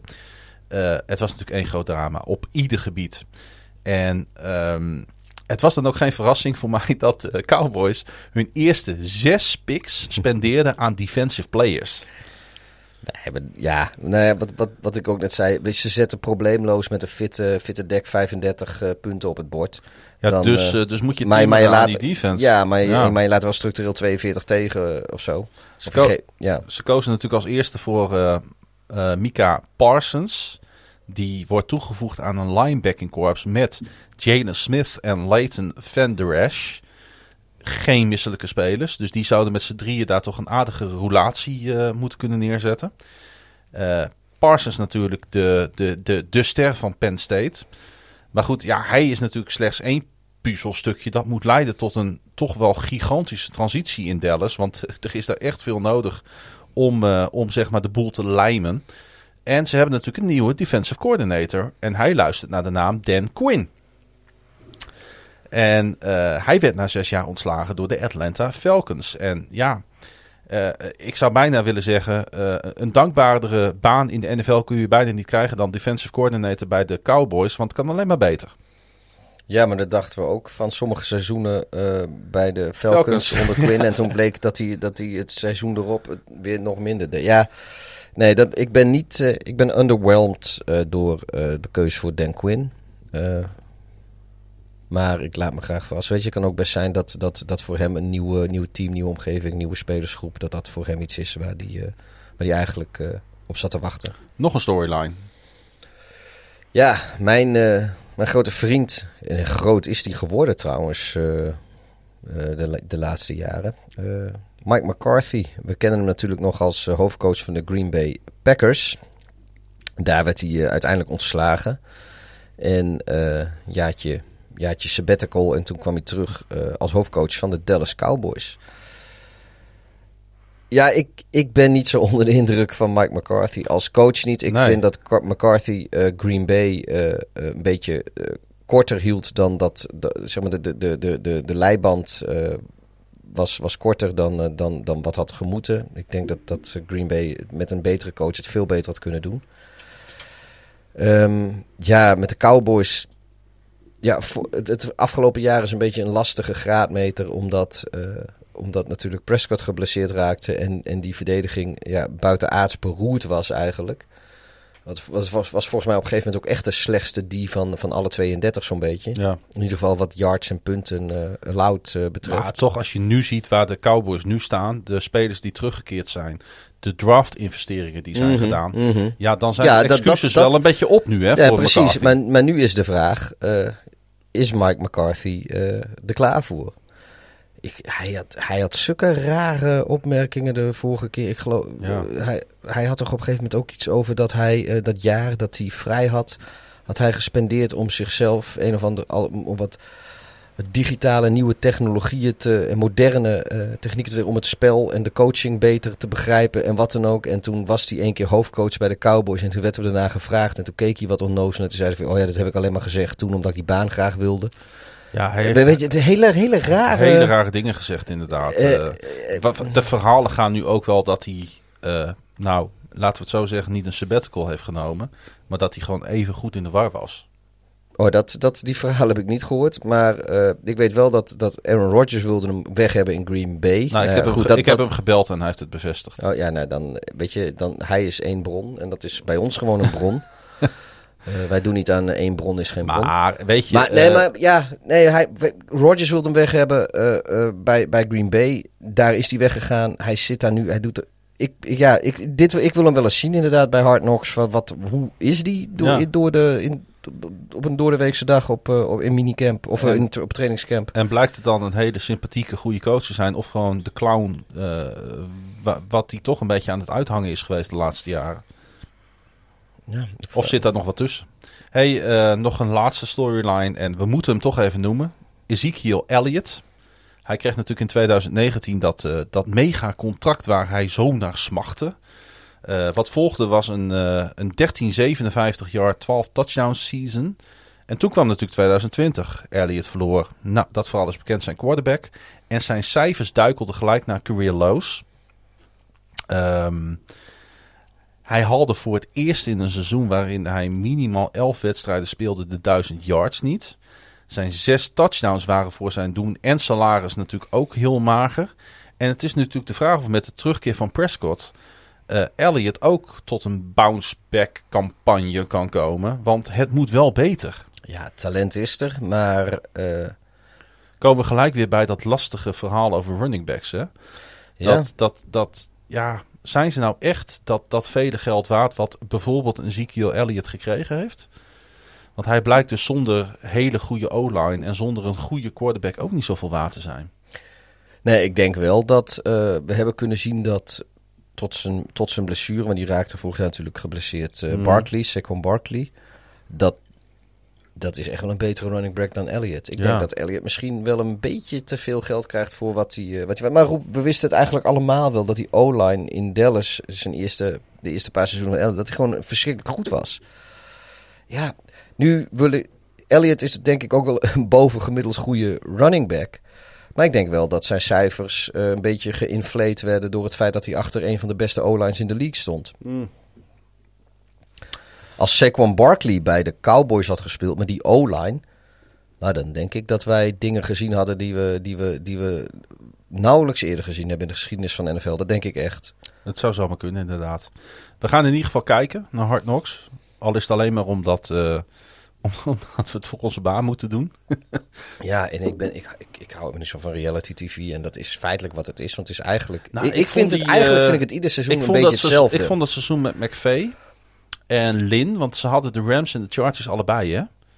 Eh, vorig jaar. Of zeg ik, Ik heb, iets heel ik, ik, heb, raars? ik, heb, moet, kan op, ik heb het niet gezien. Oh, nou, dat, dat vond ik wel leuk. En met name toch McVay eh, heb ik daardoor wel echt sympathie voor gekregen. Ik heb, ik heb ooit een keer gezien met, heel lang geleden was dat met de Jets. Toen daar, eh, god weet hij nou, nog zat. Die zijn broertje, die was altijd defensive coordinator, ook bij de Cowboys, maar ook bij de Ja, ja, ja, ja, ja. zo. kom er wel op. voeten, voeten, voetenruikertje. Hij heeft zo'n voorliefde voor voeten. Eh, Rex Ryan? Rex Ryan, ja. En Rob Ryan was inderdaad zijn Rob langharige Ryan, broer. Ja, eh. ja, ja, ja. En ehm, Met Sanchez als eh, quarterback, denk ik. Ja, was, ik weet niet of Sanchez toen, toen nog... Maar goed, weet je, die, die heb ik gezien. Die was, die was, vond ik echt leuk. En toen heb ik nog een keer gezien met Joe Philbin als hoofdcoach van de Miami Dolphins. Nou, die Philbin, jongen, dat, die man die had echt de uitstraling van een pak blanke vla. Ja. dat was gewoon geen reet aan. Nee. En die, die hele... Ja, ik ben wel En fan heb- van Blanke Vlaat trouwens. Ja, nee, maar goed, dat... dat eh, niet als, als voetbalcoach. Nee, Nee. Ik, ik, en toen heb ik daarna nog een keer gezien, kon het zijn wel zijn met de, dat de Bengals of zo nog een keer. Ik, ik weet het niet eens meer precies, maar... De Ja. Browns zijn nog een keer Oh, geweest. maar op een gegeven moment had ik zoiets van, weet je, ik, ik ken dit wel. Ja, Nou ja, toch weet je, omdat, omdat het maar smachten kijk naar het NFL, vooral, eh, kijk het ja. vooral. Weet je, luister niet naar mij. Ik, weet je, ik heb gewoon een moeilijke, moeilijke smaak. Ik ben gewoon moeilijk te pleasen. Hey, we moeten nog één eh, eh, onderdeel afwerken op onze, op onze lijst. Ja, eh, we gaan inderdaad ook nog wat, wat, wat... We gaan afsluiten met iets, iets tofs. Waarbij iedereen, ga ik nu al beloven, aan zijn trekken komt. Ja. Maar ehm, als we het dan over ja, ontwikkelingen hebben binnen de NFL, dan kunnen we er niet omheen. En dan hebben we het helaas ja, over We de... blijven in de NFC East. Ja, over de Washington voetbalteam. Want eh, de NFL, en dat is natuurlijk op zich niet mals, maar eh, in welke verhouding dat staat, daar gaan we het zo even over hebben. De NFL heeft Washington voetbalteam een boete opgelegd van 10 miljoen dollar na een onderzoek naar de bedrijfscultuur. Overigens zal dat geld weer ingezet worden om organisaties te ondersteunen die bijvoorbeeld tegen antipesten zijn. Want er is wel wat aan nee, de hand daar. zijn Eh, tegen pesten of ze zijn anti-pesten. Ze zijn, Als ze tegen anti-pesten zijn, dan... eh, ze zijn antipesten. Oké. Ehm forgive Wat me. Pest, het- pest jij niet? Het is alweer middernacht geweest. Het is NFL op woensdag. Maar it's all in the details. details. All NFL the pieces matter. Het is NFL op woensdag, jongen. Het is weer NFL op woensdag. Hey, ehm, jij hebt je daar ook een beetje in verdiept, weet ik. Ehm, want het is de laatste jaren ongelooflijk fout gegaan in Washington. Ja, het, het, en niet het- een klein beetje, hè? Nee, eh, fans blijven weg. Eh, eh, cheerleaders die, die worden nou bij kans geprostitueerd. Zo erg is het niet, maar er zijn... er gingen verschrikkelijke verhalen rond over sponsoren die voor veel geld aanwezigheid bij topless fotoshoots van, van cheerleaders konden eh, kopen. Nou, nu, nu waren de cheerleaders al helemaal niet per se voornemens om topless of soms zelfs, zelfs naakt eh, te poseren. Niet dat op die foto's nou zoveel te zien was, maar ze zijn wel naakt in de studio. Nou, ja. Normaal gesproken is er iemand van het licht en misschien iemand van de, van de visagie of de make-up en, en een fotograaf. En de, de cheerleader zelf.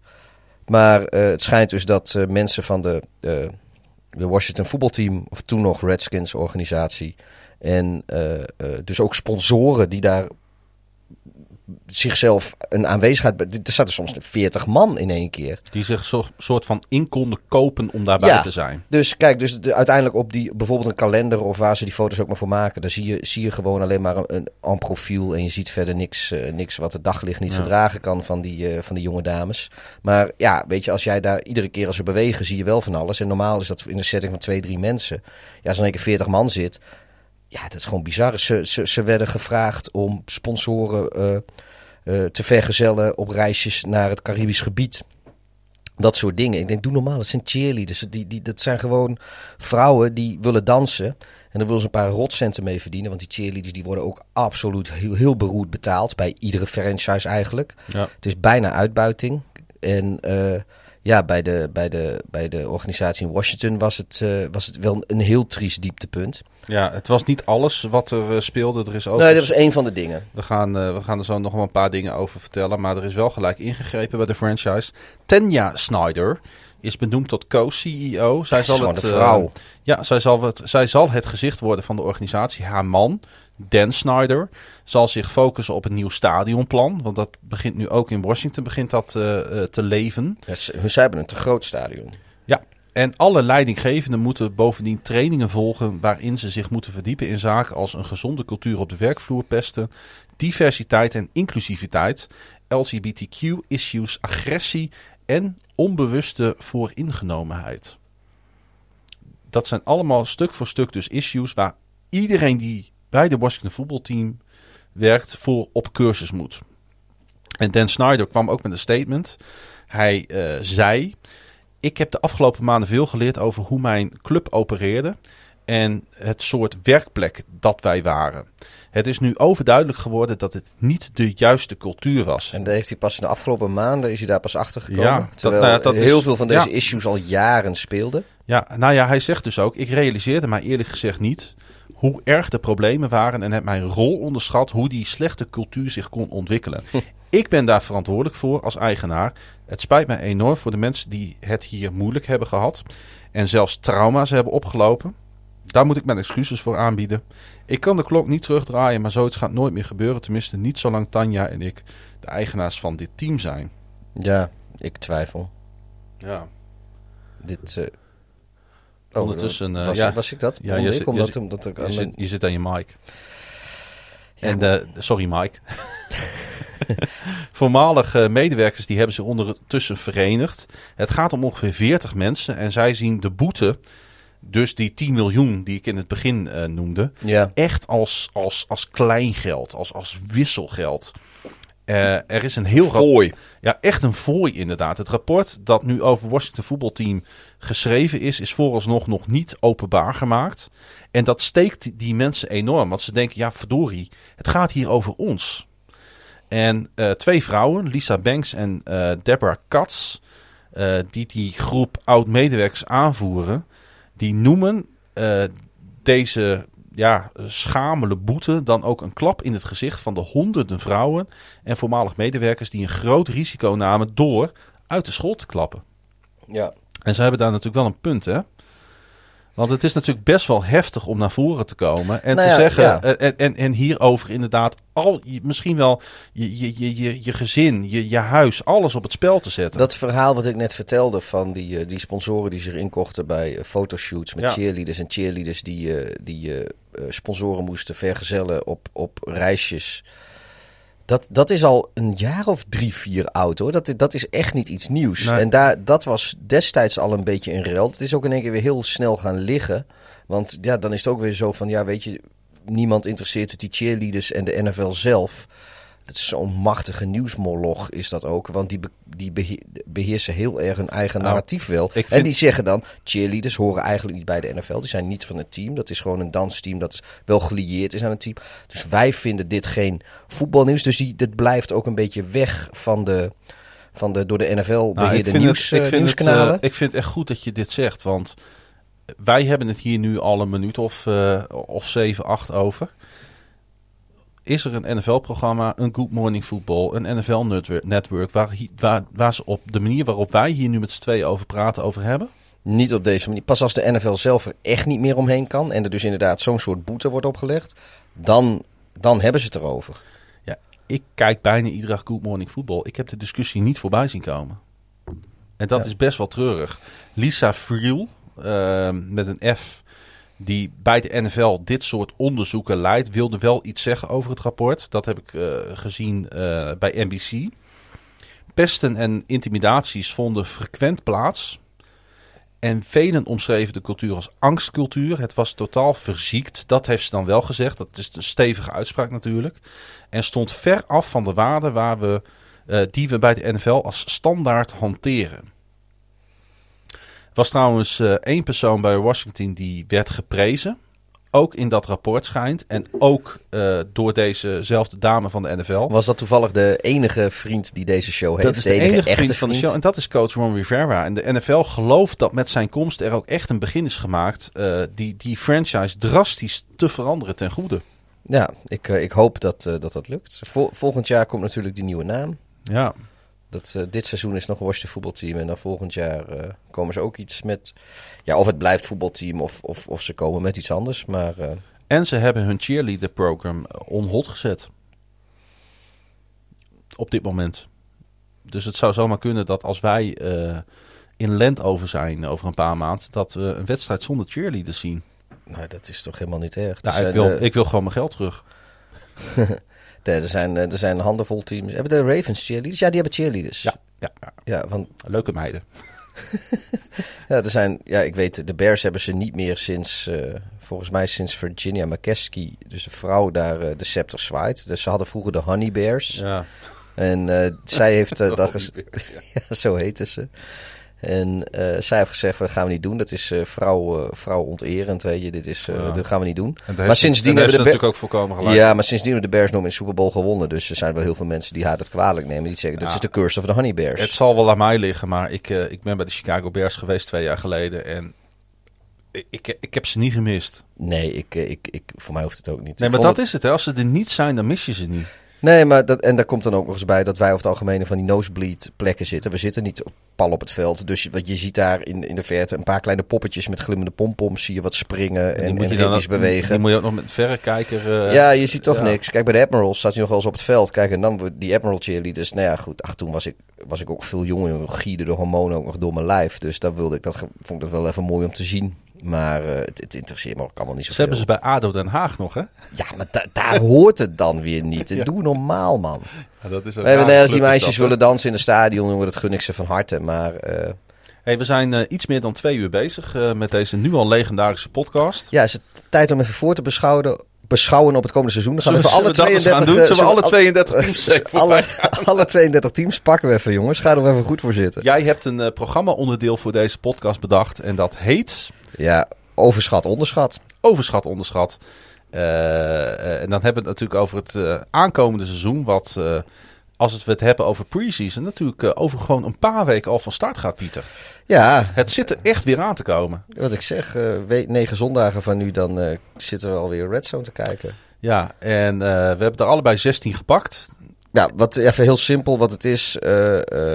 Eh, eh, 32 teams. eh, we hebben allebei in één zin iets gezegd waar- waar- waarvan wij denken dat het overschat is aan het team. En één ding waarvan we zeggen dat is onderschat aan het team. En dat is een beetje uit de lucht gegrepen. Een beetje hot take-achtig ook af en toe. Ja, Maar af en toe ook helemaal niet. Dus het completely random, overschat, onderschat. En jij mag aftrappen met de AFC East Miami Dolphins. ja, ik denk dat overschat is daar eh, Tua. Dat is voor de vaste luisteraars geen verrassing. Ik, denk dat die, eh, ik, ben, ik ben nog niet verkocht. Ik hoop dat hij me gaat verrassen. Maar op dit moment eh, heb ik het idee dat eh, heel veel mensen enthousiaster zijn over Tua dan, dan die tot nu toe heeft laten zien.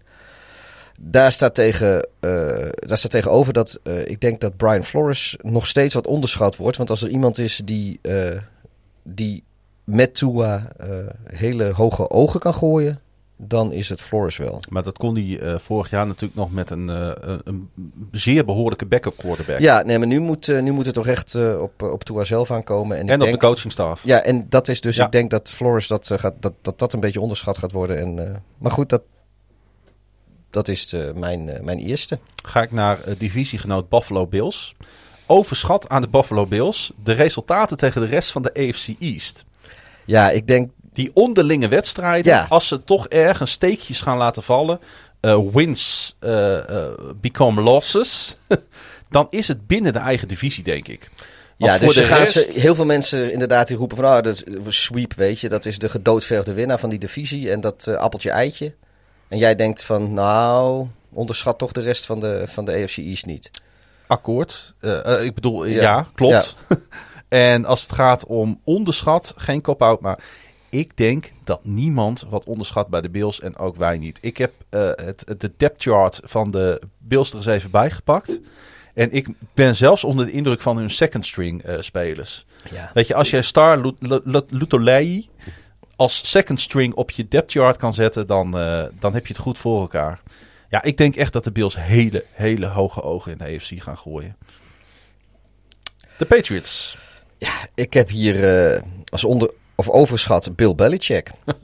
ja, weet je, hij heeft heel veel gewonnen. Eh, hele goede coach, maar dat was allemaal ook met, met eh, eh, Terrific Tom. En die had hij vorig jaar niet. Nu was Newton ook niet op zijn best. Maar ik ben nog steeds niet overtuigd dat, dat Bill Belichick niets te verwijten viel afgelopen seizoen. Dus hij moet het. ik ben echt heel benieuwd hoe die, hoe die dit seizoen voor de dag komt. Zonder, zonder hoe heet dat? opt-outs en dat soort dingen. Mhm. Laat het maar zien. En over, onderschat. Eh, de O-line, waaronder ook de tight ends. Daar hebben ze eh, heel veel werk gedaan dit offseason. En, Hebben ze eh, wel te veel geld voor betaald, vind ik, maar oké. Maar ik denk wel dat dat heel goed voor de dag kan komen. En als, of, of het nou Cam Newton is of, of Mac, Mac Jones. Ik denk dat, daar, ja, dat ze daar best toch nog wel interessante dingen kunnen gaan laten zien. Hebben we nog één team over in de AFC East. En dat zijn natuurlijk de New York Jets. Overschat bij de Jets. Hoe snel Zach Wilson zijn stempel gaat drukken op de NFL. Dus hij staat er niet eh, meteen dag één, denk je. Dat denk ik niet, nee. Nee, jongen, dat, dat, dat, oh, dan moet daar zo'n eh, zo'n nieuw plan worden ge, ge, ge- geïnjecteerd in, in, dat, in dat team. Met alles wat daar, wat daar nieuw is aan coachingstaf, aan, aan, aan, aan draft picks, aan een behoorlijk arsenaal aan spelers wat weg is. Nee, dat gaat echt wel even duren. Maar de Jets gaan niet opnieuw een 2-14 seizoen draaien. Oké. Dat denk ik niet. Onderschat aan de Jets, ja, de hele Jets. maar eh eh eh, Salou, Saleh, eh, Wilson zijn natuurlijk wel echt de frisse wind waar Ja, dus- in New York een beetje naar smachten. En ehm, ik denk dat we in ieder geval leukere wedstrijden gaan zien. Nou, dat, dat En hoop dat is al heel wat waard. Oké, ja. We gaan naar de NFC East. eh, Philadelphia Eagles. Eh, wat is er? Ik, ja, daar denk ik echt dat, dat zelfs de allergrootste eh, roze bril, Kool-Aid drinkende fan, niemand overschat iets van de Eagles. Want er, er, ja, er is niks waarvan op dit moment wordt gezegd, hier zijn ze heel goed in. Zelfs de quarterback, Jalen Hurts, die, waar mensen veel van verwachten. Wordt nog steeds niet gehyped. En dat is voor een, een, een team uit een stad als Philadelphia, voor een Philadelphia team is dat best zeldzaam. Iedereen is gewoon heel gelaten erover. Dus ik denk, ja, ook dit is net als jij, jij net bij de Wils geen kop-out. Ik denk dat serieus niemand, en ook wij niet, iets overschatten bij de Eagles. Eh, onderschatten daarentegen, dat gebeurt wel. En eh, dat is de defense. Ik denk dat, eh, dat daar best veel talent zit. Ze spelen op papier het makkelijkste schema. En ik denk dat, eh, dat ze daar wel eh, een beetje garen bij kunnen spinnen eh, aan de verdedigende kant van de bal. Ik denk dat dat best wel eens beter voor de dag kan komen dan, dan menigeen op dit moment nog denkt. Gaan we door met divisiegenoot Washington voetbalteam. En wat overschat is, ja, dat mag duidelijk zijn. Dat is natuurlijk die defense. Want daar wordt zo hoog over opgegeven. Die kan slechts tegenvallen. En als we het dan over een onderschatting hebben, dan denk ik dat we het moeten hebben over de offense. Als hij gaat spelen, want dat is maar de vraag, want ze hebben daar natuurlijk de Fits eh, nu ook rondlopen. Ja. Maar die Heineke, ja, die heeft ons toch in die playoff wedstrijd tegen de Buccaneers eh danig verrast. Dat hij, nou, zomaar eens legit zou kunnen zijn. Ja, het schijnt ook dat hij, eh, dat hij wat hij de voorbereiding voor dit seizoen heeft laten zien, dat mensen ook echt onder de indruk zijn van hem. Dus Nou. dat, dat, dat kan best leuk worden. En ja, als daar een, een ja, ik, ik, ik volg je wel. De Dallas Cowboys, Pieter. Eh, overschat. Eh Dak Prescott, die heeft natuurlijk net zijn hele dikke contract getekend. Die, eh, die moet nog even zien of hij wel weer de oude Dak is na, die, na die blessure. Dus dat is een dubbele druk. Dan heb je ook nog de druk die het überhaupt met zich meebrengt om voor een organisatie als de Dallas Cowboys te spelen. Want dat is denk ik een van de moeilijkere organisaties. want er zit enorm vergrootglas op. Zit, Zeker. ja, weet je, ik, ik zeg niet dat hij het slecht gaat doen, maar er wordt denk ik veel meer van hem verwacht dan wat hij gaat laten zien. Dus ja, dat is overschat in mijn boekje. Eh, onderschat is eh, denk ik ook geen verrassing voor de meeste mensen. Nee, eh, vorig jaar. We hebben het er al even over gehad, Ja, de, dus, de, de eh, defense die gaf zoveel weg, maar daar hebben ze zo verschrikkelijk veel aan proberen te doen om dat, om dat te, te, te versterken. Dat ja, die, die, die kunnen best wel eens heel mooi voor de dag gaan komen. De New York Football Giants. eh, ja, die hebben natuurlijk ene Saquon Barkley daar nog steeds rondlopen. Ja, en het is eigenlijk een beetje hetzelfde als bij Dak Prescott. Wat is er nog van hem over en gaat hij eh, ja, oppakken waar hij ooit voor bedoeld is? Want wat hebben we daar nog maar verrekte weinig van gezien? En als we het over onderschatting hebben, ja, dan ben ik toch wel heel benieuwd. En ik denk dat ze iets bij de Giants iets hebben om naar uit te kijken wat ze in jaren niet hebben gehad. En dat is een wide receiver duo met ongelooflijk veel potentie. Terry Stoney en Kenny Golladay. Ja, en die moeten dingen gaan mogelijk maken voor, eh, voor Daniel Jones, de quarterback daar. Tony is die, eh, die hebben ze gedraft. Juist, eh, dus ja. die rookie dit jaar. We gaan daar terug naar de AFC en dan beginnen we met de South Division. De Tennessee Titans eh, overschat Derrick Henry. Ik bedoel, ja, het is King Henry en alle respect voor hem, maar het, het blijft een running back en dat is een positie waar het verschrikkelijk lastig is om jaar in, jaar uit diezelfde... Ik zie filmpjes van die gast af en toe voorbij komen. Joh. Ja, die, eh, die, die, die, die, die schrik wordt mij weer aangejaagd. Oh, Aan de spelen jullie weer tegen de Titans dit seizoen? nou ja, in de playoffs zou het zomaar eens kunnen gebeuren natuurlijk weer. Maar je, je, hebt toch niet, je Nee, zit ook allebei eerste, season volgens mij niet. allebei eerste geworden, toch? Ja, maar we hebben eh, Ja, maar vorig jaar ook allebei. Oh, zijn we ook ja. allebei eerste geworden. Dus in de Ja. roulatie zitten we, komen we Oh. elkaar net even niet tegen volgens mij. Eh, hoewel ik weet niet eens zeker. Ik heb vooral de uitwedstrijden heb ik op de bril. Ehm, omdat ik daarin geïnteresseerd ben. Maar eh, eh, aan de andere kant, ehm, de Ravens hebben hem natuurlijk eh, afgelopen seizoen in die playoff wedstrijd ongelooflijk beteugeld. Zoals een team dat nog nooit heeft gedaan bij hem. Dat was dus, Dus de laatste wedstrijd die hij gespeeld heeft. Ja, En, nou, maar goed, ik, ik denk dat dat, eh, ja, weet je, dat, dat houdt echt een keer op. Die, die, die, het, het is zo zwaar op je lichaam. Het is ook, eh, teams gaan daar ook meer en meer eh, op verdedigen. ja. Maar ja, dan kom ik meteen bij wat onderschat wordt. Nog steeds denk ik Tannehill. Eh mensen zien Tannehill nog steeds een beetje als een... een, een mediocre. ja, die, die Ja. quarterback die, die toevallig bij, bij, bij de Titans in een goede situatie terechtgekomen is, waar hij het redelijk doet. Maar dat is niet waar.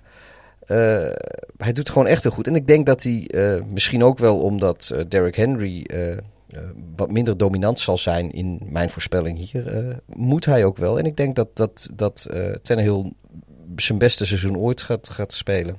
ga ik naar de grote rival van de Titans, de Indianapolis Colts.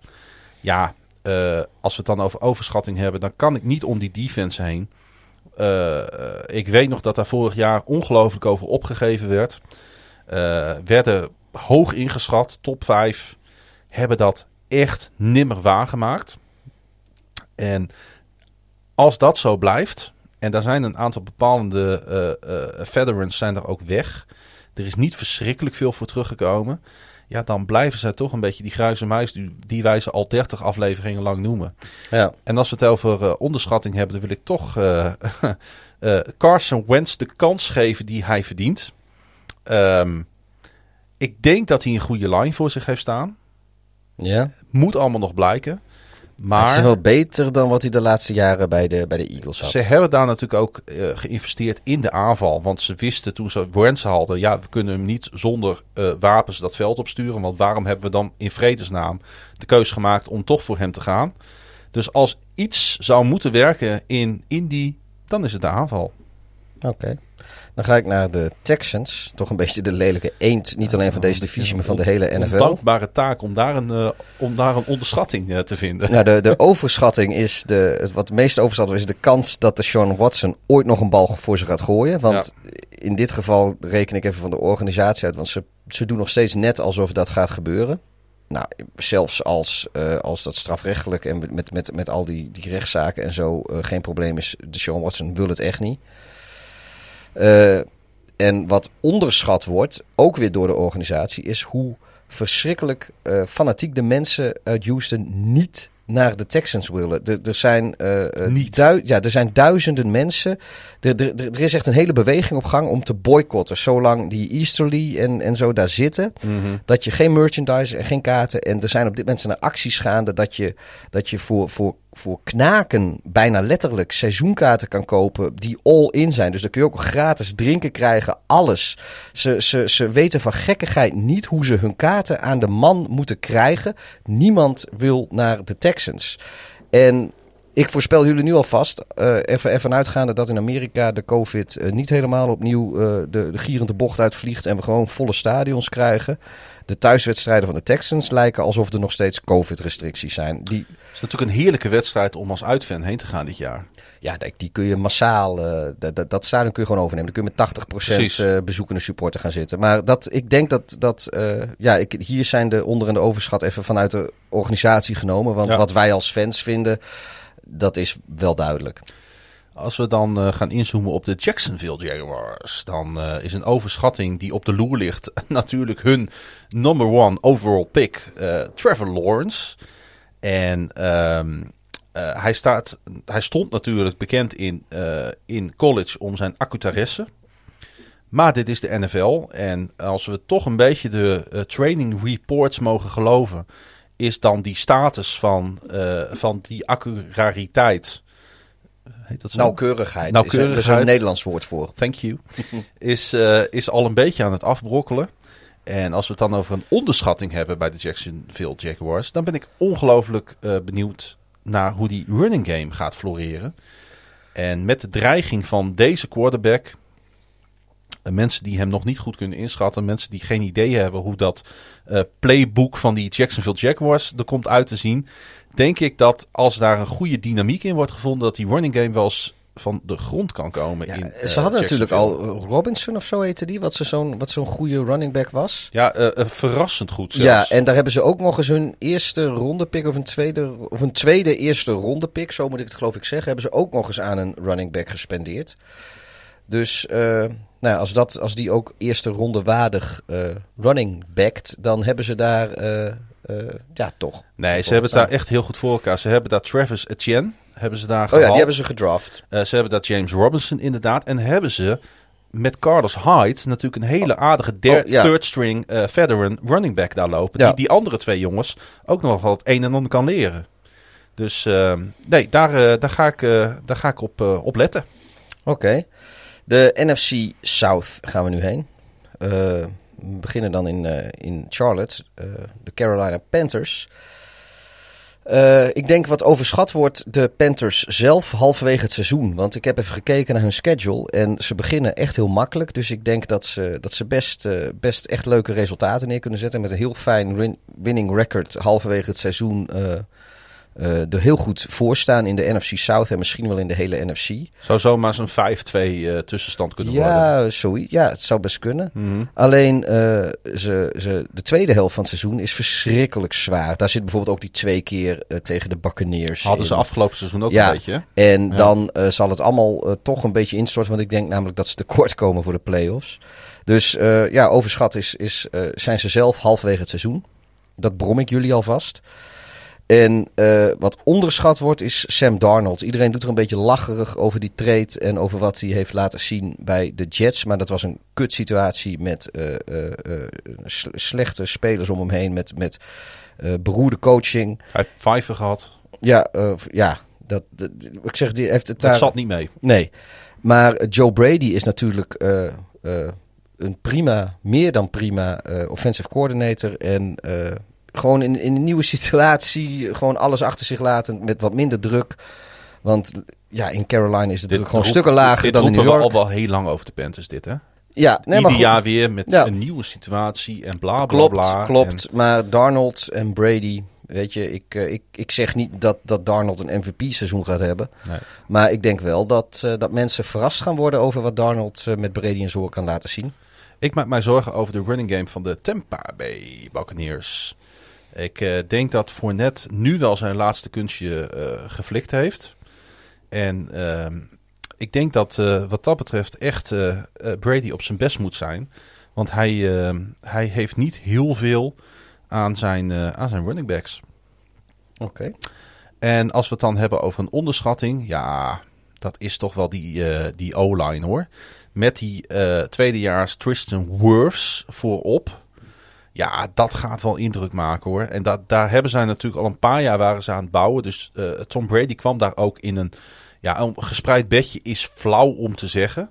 Want het is ook Tom Brady zelf die impact heeft gehad op die O-line. Daar ben ik van Ja, overtuigd. 100%. Maar eh, met deze O-line eh, gaat Tom Brady, denk ik, ondanks, ja, het is altijd weer. Oké, we gaan er ook gewoon niet over beginnen. Tom Brady gaat met deze O-line weer een gooi doen naar de prijzen. Lijkt me, lijkt me niet een, een, een, een onverwachte take. Eh, Maar ze zitten natuurlijk wel in een divisie met de Saints. ja, en wat vind ik overgeschat aan de Saints? Eh Sean Payton. Nu, eh, nu Drew Brees weg is. Want ik, als ik me het goed herinner, was Sean Payton naar aanleiding van Bountygate. dat is een jaar of bijna tien jaar geleden. Is hij seizoen geschorst geweest.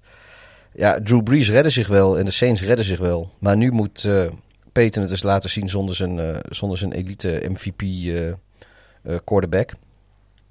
En nou, dat, dat geef ik hem te doen.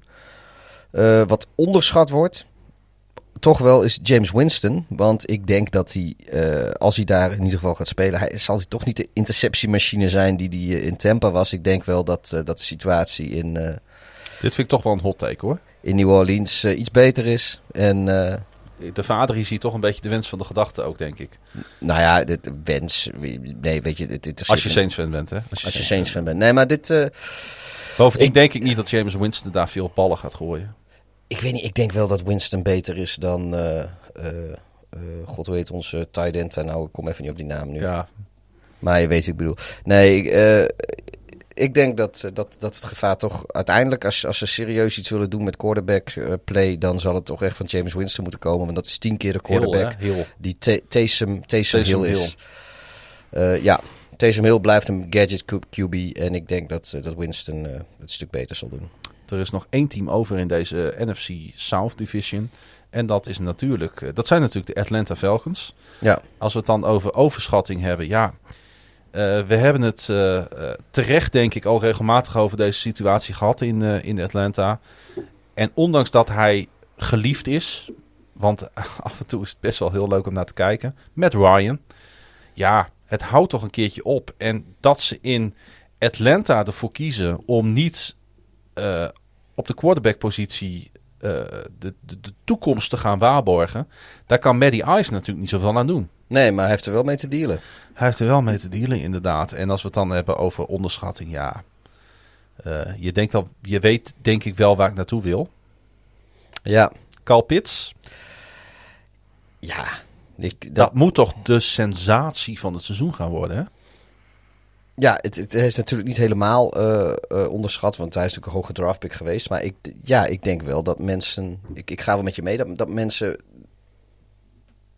daar, eh, da- nou, hij gaat onze verwachting overtreffen. Dat denk ik echt. Heb jij nog bier over?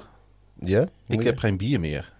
Ik heb, eh, ik heb deze nog. Dit is een, een Red Maniac. Of je mag eh, van mijn Braziliaanse Easy Walk. Er zit nog een, bijna een half blikje. Oh, maar dat is een perfecte oplossing, want we moeten nog, nog vier Oh ja. divisies. Ja, we zijn bijna klaar. We zijn bijna klaar, mensen. Ehm, eh, brand maar los over de LA Chargers. Eh, de AFC West. Dus eh, ja, ik denk wat daar overschat is de defense. Want ze hebben natuurlijk eh, Brandon Staley daar aangetrokken om de boel te, te coachen. Op zich niks mis mee. Nee, maar Staley heeft natuurlijk die, die meer dan prima Rams defense onder zijn hoede gehad. eh, en daarvoor was hij, zat hij in Chicago. Toen als, als rechterhand van Vic Fangio. Toen ze daar ook eh, een, een, een, nou, ja, een van de beste, misschien wel de beste defense in de league hadden. Ja. Eh, maar ik denk dat, eh, dat, dat de Chargers dat niet zo gaan zijn. Kijk, Staley brengt verwachtingen met zich mee. Maar dat gaat die Chargers defense gaat die verwachtingen niet kunnen inlossen, denk ik. Die, die, die defense zal niet zo zijn zoals dat in, in Los Angeles en Chicago was met Staley. Een onderschatting. Ja, klinkt misschien raar. Eh, maar ik denk dat we nog lang niet hebben gezien wat Justin Herbert eigenlijk kan. Dus ook die gaat, ja, of onderschat het goede woord is, weet ik niet. Maar hij gaat onze verwachtingen overtreffen. En is, als, als iets je, je verwachting overtreft, dan heb je toch onderschat. Ja, het is, het is sowieso een van de meest likable spelers in de NFL. En ik, daarmee zijn de Chargers toch ook Ja. echt wel... Hier is trouwens wel de wens, eh, Ja, ja, ja, de vader van de gedachte. Ja. Maar goed, ja, ik, ik denk wel dat dit... eh, Wat zei ik eigenlijk? Ik zei iets van de vader van de wens of zo. Ik zei het volgens mij helemaal verkeerd nou, trouwens. volgens mij is het gewoon goed hoor. Oh, nou. Denver Broncos. Eh, overschat. Melvin Gordon. Twee woorden, duidelijk. En onderschat eh, het talent wat op hun roster staat.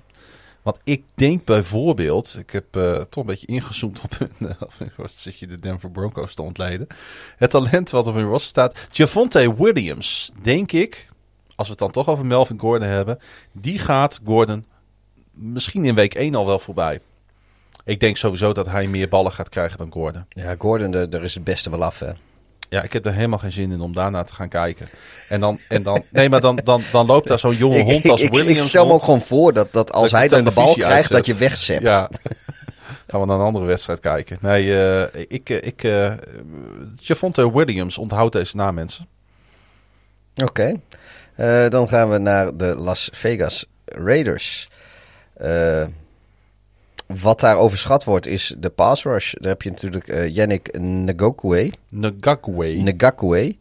En die eh, wist in een interview even te vertellen dat hij de helft van het beste pass rush duo in de NFL, eh, dat hij dat was. Dus oftewel, Nou, meneer heeft in Baltimore zeer weinig indruk op mij gemaakt, eh, kan ik je ja, daar komt hij vandaan, hè, bij, Ja. jou, eh, bij jouw Ravensweg. Nou Ja. goed, ik, sowieso, ik hou niet van spelers die zeggen dat, ze, dat, dat, dat, dat hun unit... Spelers die zeggen dat ze de beste zijn, Nee, zonder dat ze... Met het hebben. seizoen wat hij achter de rug heeft, moet hij gewoon zo'n zo, Nee. grote, zo'n grote mel houden. Dus eh, ja, eh, ze hebben zelf, de, de spelers zelf hier in dit geval, hebben ze de lat hoog gelegd. Nou ja, eh, dat gaat niet gebeuren, dus overschat. Eh, onderschat, eh Derek Carr. Eh, en statistisch gezien, een beetje in de schaduw van al het andere geweld eh, in zijn divisie met eh, Mahomes en Herbert. Maar hij had statistisch gezien vorig seizoen al een verschrikkelijk sterk seizoen. Misschien wel een van zijn beste. En nou, met dat, die lijn zet hij door. En daar wordt hij bij geholpen door een andere speler die, vind ik, nog best wel onderschat wordt. En dat is hun tight end, Waller. Hm. Dat is ook eh, een speler om, eh, om rekening mee te houden. Terwijl je er eigenlijk zelden wat van hoort. Eens. Eh, we sluiten af met de Kansas City Chiefs. Deze divisie. Deze divisie uiteraard. Ehm, overschat ga ik toch de defense noemen. Die lijkt op papier, moet ik heel voorzichtig zijn, denk ik iets beter dan vorig jaar. Maar het is echt nog maar de vraag of, of, of dat bij elkaar komt. En of het cement sterk genoeg is om, ja, eh, hoe moet ik dat zeggen, next level te worden. Om wel die Super Bowl binnen weer te een, gaan slepen. Of ze wel weer een Super Bowl winnen Ja. defense. Ja, ja. En ik, ik, ik, ik zeg niet dat het niet gaat gebeuren. Maar het is wel op dit moment, als er een vraagteken is in Kansas City, dan is het eigenlijk die hele defense. Al die, van al die units binnen de defense is het echt de vraag of dat bij elkaar gaat komen. En als we het dan over, eh, ja, over onderschatting hebben, dan moeten we toch, eh, toch Andy Reid eh, hier noemen. De, de, de, de, de, ge, gesnorde, sympathieke like guy van, van, de, van, de, ja van, dat, van dat laatste jaren zo succesvolle team. Iedereen heeft al een hoge pet van hem op, maar jij zegt van nou, die pet is nog niet hoog genoeg. Nee, en ik heb echt het idee dat op Levi en Bell na iedereen voor hem door het vuur wil gaan. Ja, dat was voor, oh ja. Le'Veon Bell, die, eh Andy Reid zei dat hij al met pensioen was, toch? Geloof ik, dat is vier jaar geleden. Zo, zo goede. Dat is echt de allerbeste opmerking die ik dit hele offseason heb gehoord, is van Andy Reid over Levi en Bell. Wat een de, baas. de likable walrus. Wat een baas. Ja. NFC West. de Los Angeles Rams. eh, nou, ik zei het net al een beetje bij de, bij de Chargers. St- eh, eh, Staley is daar weggegaan natuurlijk als Mm. eh, defensive coordinator. En ik denk wel dat je dat gaat merken. Weet je, dat, dat, dat zie je toch altijd wel terug in zo'n defense. Dat die gaat nooit vlekkeloos door waar ze het jaar ervoor gebleven waren. Dus ik denk dat de Rams defense, ondanks de, de namen, toch iets, eh, iets minder goed voor de dag gaat komen. Nou, en we hebben al geconstateerd over de Rams natuurlijk dat die third, first string ongelooflijk sterk zijn. Maar als daar een aantal pilaren gaan wegvallen, dan hebben de Rams gewoon een probleem op defense. Ze hebben natuurlijk sowieso de beste verdedigende speler in de hele league. Ja. By far hebben ze op hun roster staan. Maar eh, ja, eh, toch denk ik dat, dat, dat het vertrek van Staley, die, die ja, heel, hele mooie schemes had, die heel goed passen bij de skillset van die spelers, dat je dat toch een beetje gaat missen. Eh, wat onderschat wordt, en de oplettende luisteraar, die, eh, die zal niet verbazen over wat ik nu ga zeggen. Want ik zeg gewoon alleen maar Matthew Stafford, Matthew Stafford, Matthew Stafford, Matthew Stafford, Matthew Stafford. Gaan we inzoomen op de 49ers. En als we het dan hebben over wat overschat is bij de 49ers, dan denk ik dat dat de scoring defense is. Vorig jaar scoorde alleen Kinlaw één keer namens de defense. En dat was alles wat ze aan scores hebben neergezet. Ja? Dus eh, ik heb nog niet heel veel gezien wat dat moet gaan verbeteren. En als we het dan over eh, onderschatting hebben, ja, Oh, wacht even, je draait over. Je, je, eh, ja, ja, nee, oké, ja, sorry. Ja. ik zeg toch goed? Ja, nee, ja, nee, sorry. Dus de scoring defense, dat gaat een probleem worden. En ja, ik ben gewoon benieuwd naar Trey. Oké. Ja, la- laat het maar gebeuren. Dus jij denkt dat. eh, dat, dat eh, Nou ja, weet ja, je, ja, die hebben gelijk, weet je. Eh, ja, er, is, er is veel negatief. Iedereen heeft alleen maar inlopen hakken op de 49ers en ze hadden niet omhoog Ook heel veel niet, traden. hè? Ook heel veel niet. Nou, jawel Pieter. Als je die, die draft night gezien hebt, dat Ja, maar de dat is 49ers denk ik. zijn, zijn door iedere commentator Ja, volledig maar- in de pan gehad. Ja, maar dat is volgens mij ook omdat zij een prijs betaald hebben voor die trade. Die wel heel hoog is. Ja, die was ook te hoog. Maar daar kan Trey Lance niks aan doen. Nee, nee, precies. Nee, dat klopt. Maar het, het commentaar was dus niet zozeer op Trey Lance, maar Nee. op de trade. Precies. Maar goed, nee, ik, je hebt gelijk. Want, want ja, ik heb ook geen. Ik, ik, ik, ik verwacht ook niet zoveel Trey Lance. Maar ik denk ook niet dat hij gaat spelen nog. Maar eh, eh, voor, in ieder geval voorlopig niet. Nee. Maar ja, wat ik zeg met, eh, met Garoppolo. is het maar de vraag of, of die 17 wedstrijden vol gaat maken. Dus Ja. de kans dat we Lance gaan zien is vrij groot. Ja. De, de, de, de oude rival van de 49ers, de Seattle Seahawks. Eh, ja, ik denk dat, eh, dat het eh, sprookje van Pete Carroll wel een beetje klaar is. Ik denk dat. Ja, die liep ook te zeiken en te voeteren langs de zijlijn afgelopen seizoen. Daar was hij al goed in, maar het was nog wel meer dan normaal, hè? ja, nee, maar goed, ik denk dat hij het een beetje kwijt is. Ja. Ja. Hij, hij heeft verschrikkelijk goede jaren gehad. Hij heeft echt een van de, van de meest dominante teams uit de recente NFL-geschiedenis. Heeft hij voor even, dynasties bijna, zeg maar één Super Bowl gewonnen. Maar eh, ze hebben zo'n lange periode gehad dat ze zo dominant waren. Sowieso verdedigend, maar ook met Russell Wilson in de aanval wel. Dat, dat heeft hij eh, verschrikkelijk goed gedaan. Maar ik denk dat het uitgewerkt is. De, de, de Pete Carroll van, van een seizoen of vijf terug, of seizoen of tien terug in sommige gevallen ja, zeg maar van, ja, van, van 10 tot, tot 5 jaar terug, die is niet meer. En dat gaan we, gaan we nu zien. Die breuken die zijn er gewoon. Is het dan ook nog een eh, onderschatting? Jawel. Ja, eh, Russell Wilson, hij wilde weg. Hij blijft dit seizoen. Maar eh, eh, ik denk dat, zoals Pete Carroll eigenlijk gaat laten zien dat, dat hij het verleden is... Is het, Wilson is er alles aan gelegen om, om zich te gaan laten gelden als de toekomst van de franchise voor de komende Ah, die gaat jaren dan- nog. die gaat, daar gaan we toch gewoon nog jaren van genieten. Ja, maar die gaat nu wel even laten zien dat hij degene is die in Seattle moet blijven. En dat Pete Carroll degene is die het veld moet ruimen. En daarom Ja. denk ik dat, dat Russell een. een nou, ik, ik, ik zou hem zeggen voor de, voor de weddende luisteraars: Dark Horse voor MVP. Dan het laatste team in de NFC West, dat zijn de Arizona Cardinals. En eh, als we het dan over overschatting hebben, dan eh, valt mij gelijk op het aantal veteran spelers op hun roster. Zijn ze sowieso de laatste jaren in Arizona niet vies van. Maar het blijft natuurlijk wel afwachten of al die veteranen 17 wedstrijden lang kunnen brengen wat ze moeten brengen. Eh, daar maak ik mij zorgen over. En dan, je hebt een neefje gevangen. Gewoon zo. Lekker man. En eh, als we het over eh, onderschatting hebben, dan ben ik erg benieuwd. En dat zijn toch elementen in het American voetbal waar ik toch wel van hou. Dat zijn de inside, linebackers bij de, bij, de, bij de Cardinals. Ik ben sowieso fan van de posities van linebacker. Maar ze hebben daar Isaiah Simmons en Zeven Collins, de draft selectie staan. Zeven Collins maar liefst. Zeven. Niet, geen zes, geen acht. Ongelooflijk goede grap. Eh, nee, maar dat zijn, eh, dat zijn van die duo's. En zo heb je bij ieder team kun je er van Ja. die duo's uitplukken op bepaalde posities. Of dat nou cornerback of linebacker is of wide receiver. Maakt eigenlijk niet zoveel uit. Nou ja, daar, eh, daar ben ik wel van gecharmeerd. Oké. We hebben nog twee divisies over. Ja, onze beide divisies. Zullen we beginnen met de AFC of de NFC? Eh, we hebben de hele tijd doen we de AFC, NFC. Oh ja, laten we dat nu ook doen. Eh, De Bengals. De, de Bengals. Eh, overschat, denk ik, de wide receivers. Ze hebben natuurlijk met, met Chase hebben ze een hele hoge draft pick ook daar weer aan gespendeerd. Ehm, talent zit er wel, maar ik, ze hebben dus de O-line een beetje gelaten voor wat het was. En die was al niet al te best. En ik heb dus mijn twijfels bij of Burrow de tijd krijgt om eh, gebruik te maken van wat dus zijn receiverkorps hem eigenlijk kan geven. Ja. Maar wat onderschat wordt, en dat is eh, ja, een beetje meta, eh, de toekomst. Want dit jaar gaan ze denk ik nog niet een echte rol van betekenis spelen.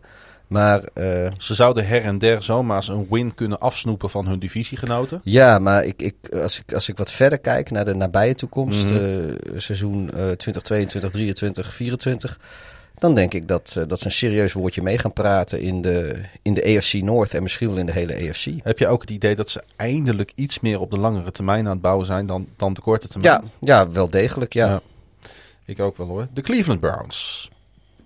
Ehm, de overschatting, ja, die zit hem toch, ehm, denk ik, op de positie van quarterback. Baker Mayfield, hij is eh, eh, niet slecht. Hij is ook niet super. Maar het probleem van de Browns is dat ik het idee heb dat alles op dit moment roster-wise klopt. En het ene vraagtekentje wat ik invul, blijft Baker Mayfield. Nou, als je, ik denk, ik, ik, ik, ik geef gelijk hoor, want Mayfield is niet slecht. Maar als jij in een divisie zit waar dus eh, Burrow bij een team in opkomst zit. eh, Lamar Jackson weten we allemaal, weet je, die heeft al een MVP-titel in zijn in zijn Mm. kontzak zitten. Eh, nou ja, Ben Roethlisberger, die loopt dan wel op zijn laatste benen. Letterlijk. maar laten we niet doen alsof Pittsburgh niet in staat is daar ook weer met wat te komen. Want Mhm. sowieso wat ze doen met receivers, maar weet je, die, die altijd wel een passing game weer eh, ergens uit de hoed te toveren. Dan weet ik niet of Baker Mayfield goed genoeg is om, om eh, alleen al die divisie te domineren. En als je je divisie niet domineert, dan wordt het helemaal lastig om de, om de conference eh, te domineren. Maar goed, dus ik ga met je mee. En wat onderschat wordt op dit moment, en daar hebben ze echt goed in geïnvesteerd, dat zijn toch de, de, dus de coachingstaf en de coachingstaf zoals die hun decision making hebben laten zien afgelopen jaar. Ehm, het blijkt erop dat de Browns eindelijk wat volwassener aan het worden zijn. Ook in de keuzes die ze maken, ook in de playmaking. Ehm, Dus Ja. Browns be Browns gaan we voorlopig niet zoveel meer tweeten. ik, ehm, ik vrees van niet. Oké. Nou, dat is eh, voor in ieder geval voor iedereen die Cleveland een warm hart toedraagt, eh is het een mooi vooruitzicht. Shitsburg.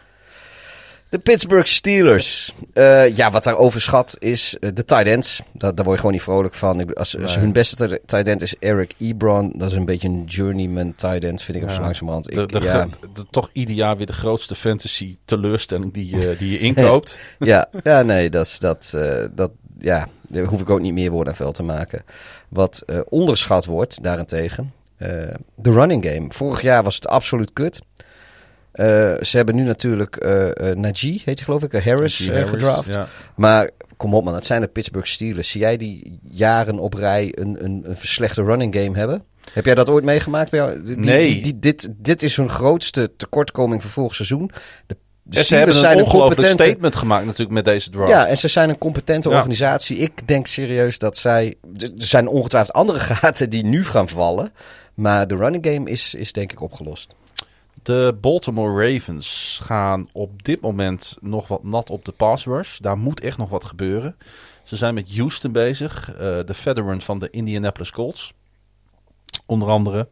Dus ik denk ook dat daar nog een, eh, een, eh, een move geplaatst zal worden door de Ravens. En dan kijk ik er misschien alweer wat anders tegenaan. Maar goed, we moeten uitgaan van de informatie die we op dit moment hebben.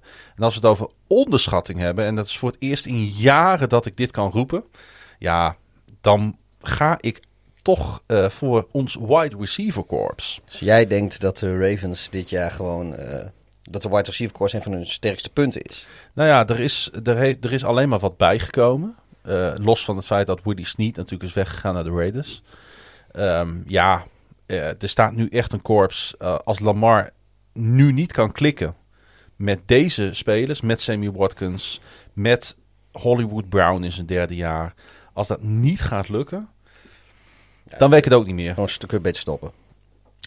Nee, dat ook weer niet. dat is, maar eh, ik, Gewoon iedereen ontslaan en rebuild. eh, er- moet een connectie gaan plaatsvinden. En ik zie hem ook wel gebeuren. En ik zeg niet dat de Ravens een, een nummer 1 passing offense gaan neerzetten. Nee, nee, hoor. nee, maar als, feit- de, als de Ravens hun passing offense omhoog kunnen tillen van 32 naar 16... Nou, als de, als de, en de wide, running game blijft op, op norm... als de wide receiver corps van de Ravens niet meer hun zwakte bot is, maar een van hun betere punten, dan is dat al een verschrikkelijke grote vooruitgang. Oké, laatste divisie. Ja, de ontbrekende, de NFC North. Eh, de Minnesota Vikings. Ik denk dat de offense van de Vikings wat overschat wordt. Eh, eh, ik, natuurlijk zit Justin Jefferson daar. En dat is eh, in potentie een van de beste eh, receivers in de league. Dat, eh, dat zie ik ook wel. Ik ben niet helemaal blind. Maar ik denk dat de tijd van Kirk Cousins echt geweest is. Het is niet voor niets ook dat ze, dat ze vriend Kellen Mond alweer gedraft hebben. Om misschien wel een beetje wat, wat hete adem in zijn nek te blazen. Maar dat, dat gaat zijn weerslag hebben, denk ik. Hm. Dat de, de, ja, Cousins is een beetje klaar. Wat onderschat wordt, die, eh, weet je, we hebben het al een paar keer gehad eh, over de soft rebuild waar ze mee bezig zijn. En ze hebben sneaky, low-key, hebben ze ze eigenlijk op alle posities, zijn ze best wel goed geworden. Zonder dat ze heel veel hebben hoeven inleveren aan, weet je, ze, ze, ze hebben nooit een top 3, 4 draft pick of zo gehad. Ehm, Maar ze hebben wel bewuste keuzes gemaakt, ook in de spelers die ze hebben laten gaan. Dat, het sorteert gewoon effect. Ze hebben Ja. daar gewoon, ze hebben een beetje ja, doorgeselecteerd. eh, eh, Ze hebben her en der wat spelers opgepakt. ja. eh, ook binnen de divisie, die, die, die elders wat buiten de boot vielen. ja, ik denk dat zij gewoon, gewoon een serieuze, on- ongeacht wat Aaron Rodgers doet even, want, want dat is natuurlijk een heet hangijzer in deze Mhm. divisie. Maar ik denk dat de, dat de Vikings sowieso mee kunnen doen voor de divisie. Nou, in ieder geval, zoals we dat zo mooi noemen, low-key. Ja, De Detroit Lions. eh, ja, we hebben toch wel een beetje sympathie voor ze. Ehm, eh, als je het dan hebt over overschatting, dan, ehm, ja, dan moeten we het toch weer over die coach gaan hebben. Die eh, hele nieuwe coachingstaf daar. Ja, het is veel geroep toe te veel geblaas. En harde, harde motoren die langskomen rijden. Maar of het nou daadwerkelijk ook, ook zich vertaalt in, in het resultaat waar ze nou misschien niet eens naar smachten in Detroit. Ik weet het niet. En onderschatting, ja, dat stadion. Deze zag niemand aankomen. Nee, je ziet het niet op televisie, maar het is echt een mooi stadion om in te zitten. Eh fijne er weer heen, ik heb er zin in. Eh, over het algemeen, wat ik me ervan kan herinneren, alleen maar aardige mensen. Ja. Want ze weten dat ze voor het resultaat niet heen hoeven. Dus ze komen er allemaal maar om een leuke dag te En hebben. als ze vervelend zijn, liggen ze de hele tijd te pitten. Liggen Dus heb je er alsnog geen last Dan van. worden ze ook niet agressief. Nee. Dus eh, nee, dat... Ford Field. Ja. De Chicago Bears. ja, wat daar overschat is, is de defense. Die was de afgelopen jaren was die al niet zo goed als dat ze Er ooit was. kwamen haarscheurtjes in de defense, zoals maar dat dan heet. nog Ja. steeds staan de Bears. Die, als, je, als je zegt Chicago Bears, denken heel veel mensen meteen van. Wow, eh, Khalil Mack, Keem Hicks, eh, dikke vette defense, wordt lastig. Ehm, maar die spelers worden ouder. En eh, er zit nu weer een nieuwe of, defensive coordinator, Sean Desai. Ik denk wel dat hij beter met deze defense overweg kan, met deze spelersgroep overweg kan, dan dat de vorige coördinator, waarvan ik nu weer even niet op de naam kan komen, omdat ik niet alles kan onthouden en nu voel ik me dom. Maar eh eh, Pagano, Ja, Chuck Pagano. Pagano. eh, eh, ik denk dat, dat de site er beter mee overweg kan. Maar eh, ja, het, het, het, het zal niet een traditioneel go- goede Bears defense zijn, hoewel ik me graag laat verrassen. Wat eh, onderschat wordt, is eh, hoe goed, ja dat klinkt echt een heel cliché, maar hoe goed een offense eigenlijk is op veel skillposities ook als eh, er een competente quarterback staat. En ik denk zelfs dat eh, de Red Rifle eh, en, die, Dalton. dat die het bij de Bears beter uit de voeten kan komen dan veel mensen denken. Ik denk dat die, dat die Justin Fields best nog wel een poosje op de bank kan gaan houden ondertussen. Dat zou zomaar kunnen.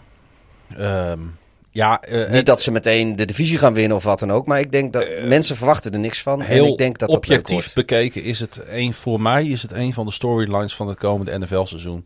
De quarterback battle in Chicago. En dan sluiten we af met eh, onze vrienden van de Green Bay Packers.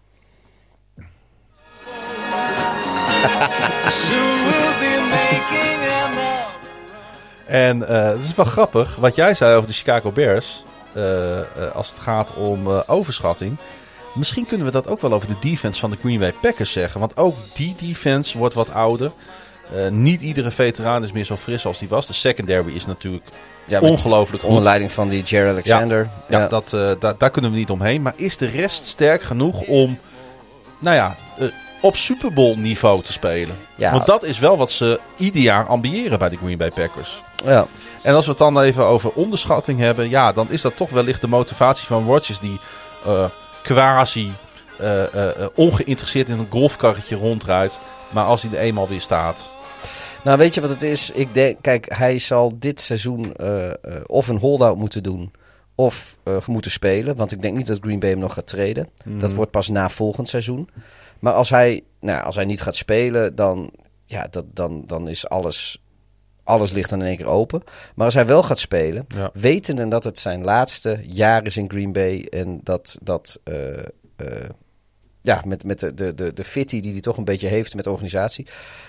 En hij is 38. Hij wil nog waarschijnlijk ergens cashen, weet ik veel, in Las Vegas of, of in, misschien wel in San Francisco als Trey Lance niet, niet goed uitpakt. Ik noem maar wat. Wil hij dan nu voor Green Bay als lame duck QB in zijn laatste jaar zijn, zijn 38 jaar oude lichaam op het spel zetten? Eh, want hij heeft natuurlijk de laatste jaren ook wat blessures gehad. Zodat hij, eh, ja, dus, dat hij dus alsnog zijn carrière af... Ik, ik, dat, dat, ik, ja, dat, daar twijfel ik ook wel aan. We hebben alle 32 teams besproken. Dus Mooi niemand dat, kan klagen in onze inbox Ja. dat zijn team niet voorbij, zijn of haar team niet voorbij gekomen is. Nee, en, en je hebt er gewoon tot het eind eh, voor moeten blijven luisteren om het eh, mee te krijgen. Dus eh, mensen die nu alsnog weer klagen, dan, heb je, nou, dan moet je maar luisteren. Weet je, Of, als je maar lang genoeg wacht, geduld is een schone zaak. Hebben we nog wat gehoord van onze grote vriend Zack Miller? Of niet? Hij heeft wel een, een tweet van mij geliked, waar ik alweer helemaal ja, een beetje gruizig van werd. Maar ik weet nog steeds niet eh, wanneer zijn album uitkomt. Of er überhaupt een album komt? Ja, dat vroeg ik ook. Zei, joh, gast, wanneer komt je album dan? Nou, die tweet die liked hij, maar denk je dat hij antwoord geeft? Nee? Nee, nee, maar goed, wij, wij, wij, blij- wij laten ons niet zo makkelijk uit veld slaan. Dus eh, wij gaan dat uitvinden. Goed. hij staat nu dan echt daadwerkelijk in het systeem. Nou, we zijn nog niet helemaal klaar. Hè? Nee. Dus die stroom kan er nog af. Als hij er nu weer uitvalt voordat we er hier helemaal klaar mee zijn, dan, eh, dan, dan komt er gewoon nooit een aflevering 9 van het tweede seizoen. Nee, dan is het allemaal nooit gebeurd. Eh, wij gaan lekker naar Osnabrück. Het Osnabrück op half zeven. weer bijna drie uur, jongens. Maar was het inhoudelijk sterk? Ik, eh, ik ben weer trots op Zesje. ons. Ik ben Zesje. trots op ons. Jongens, vergeet niet om naar onze petje.af te gaan. NFL op woensdag.nl.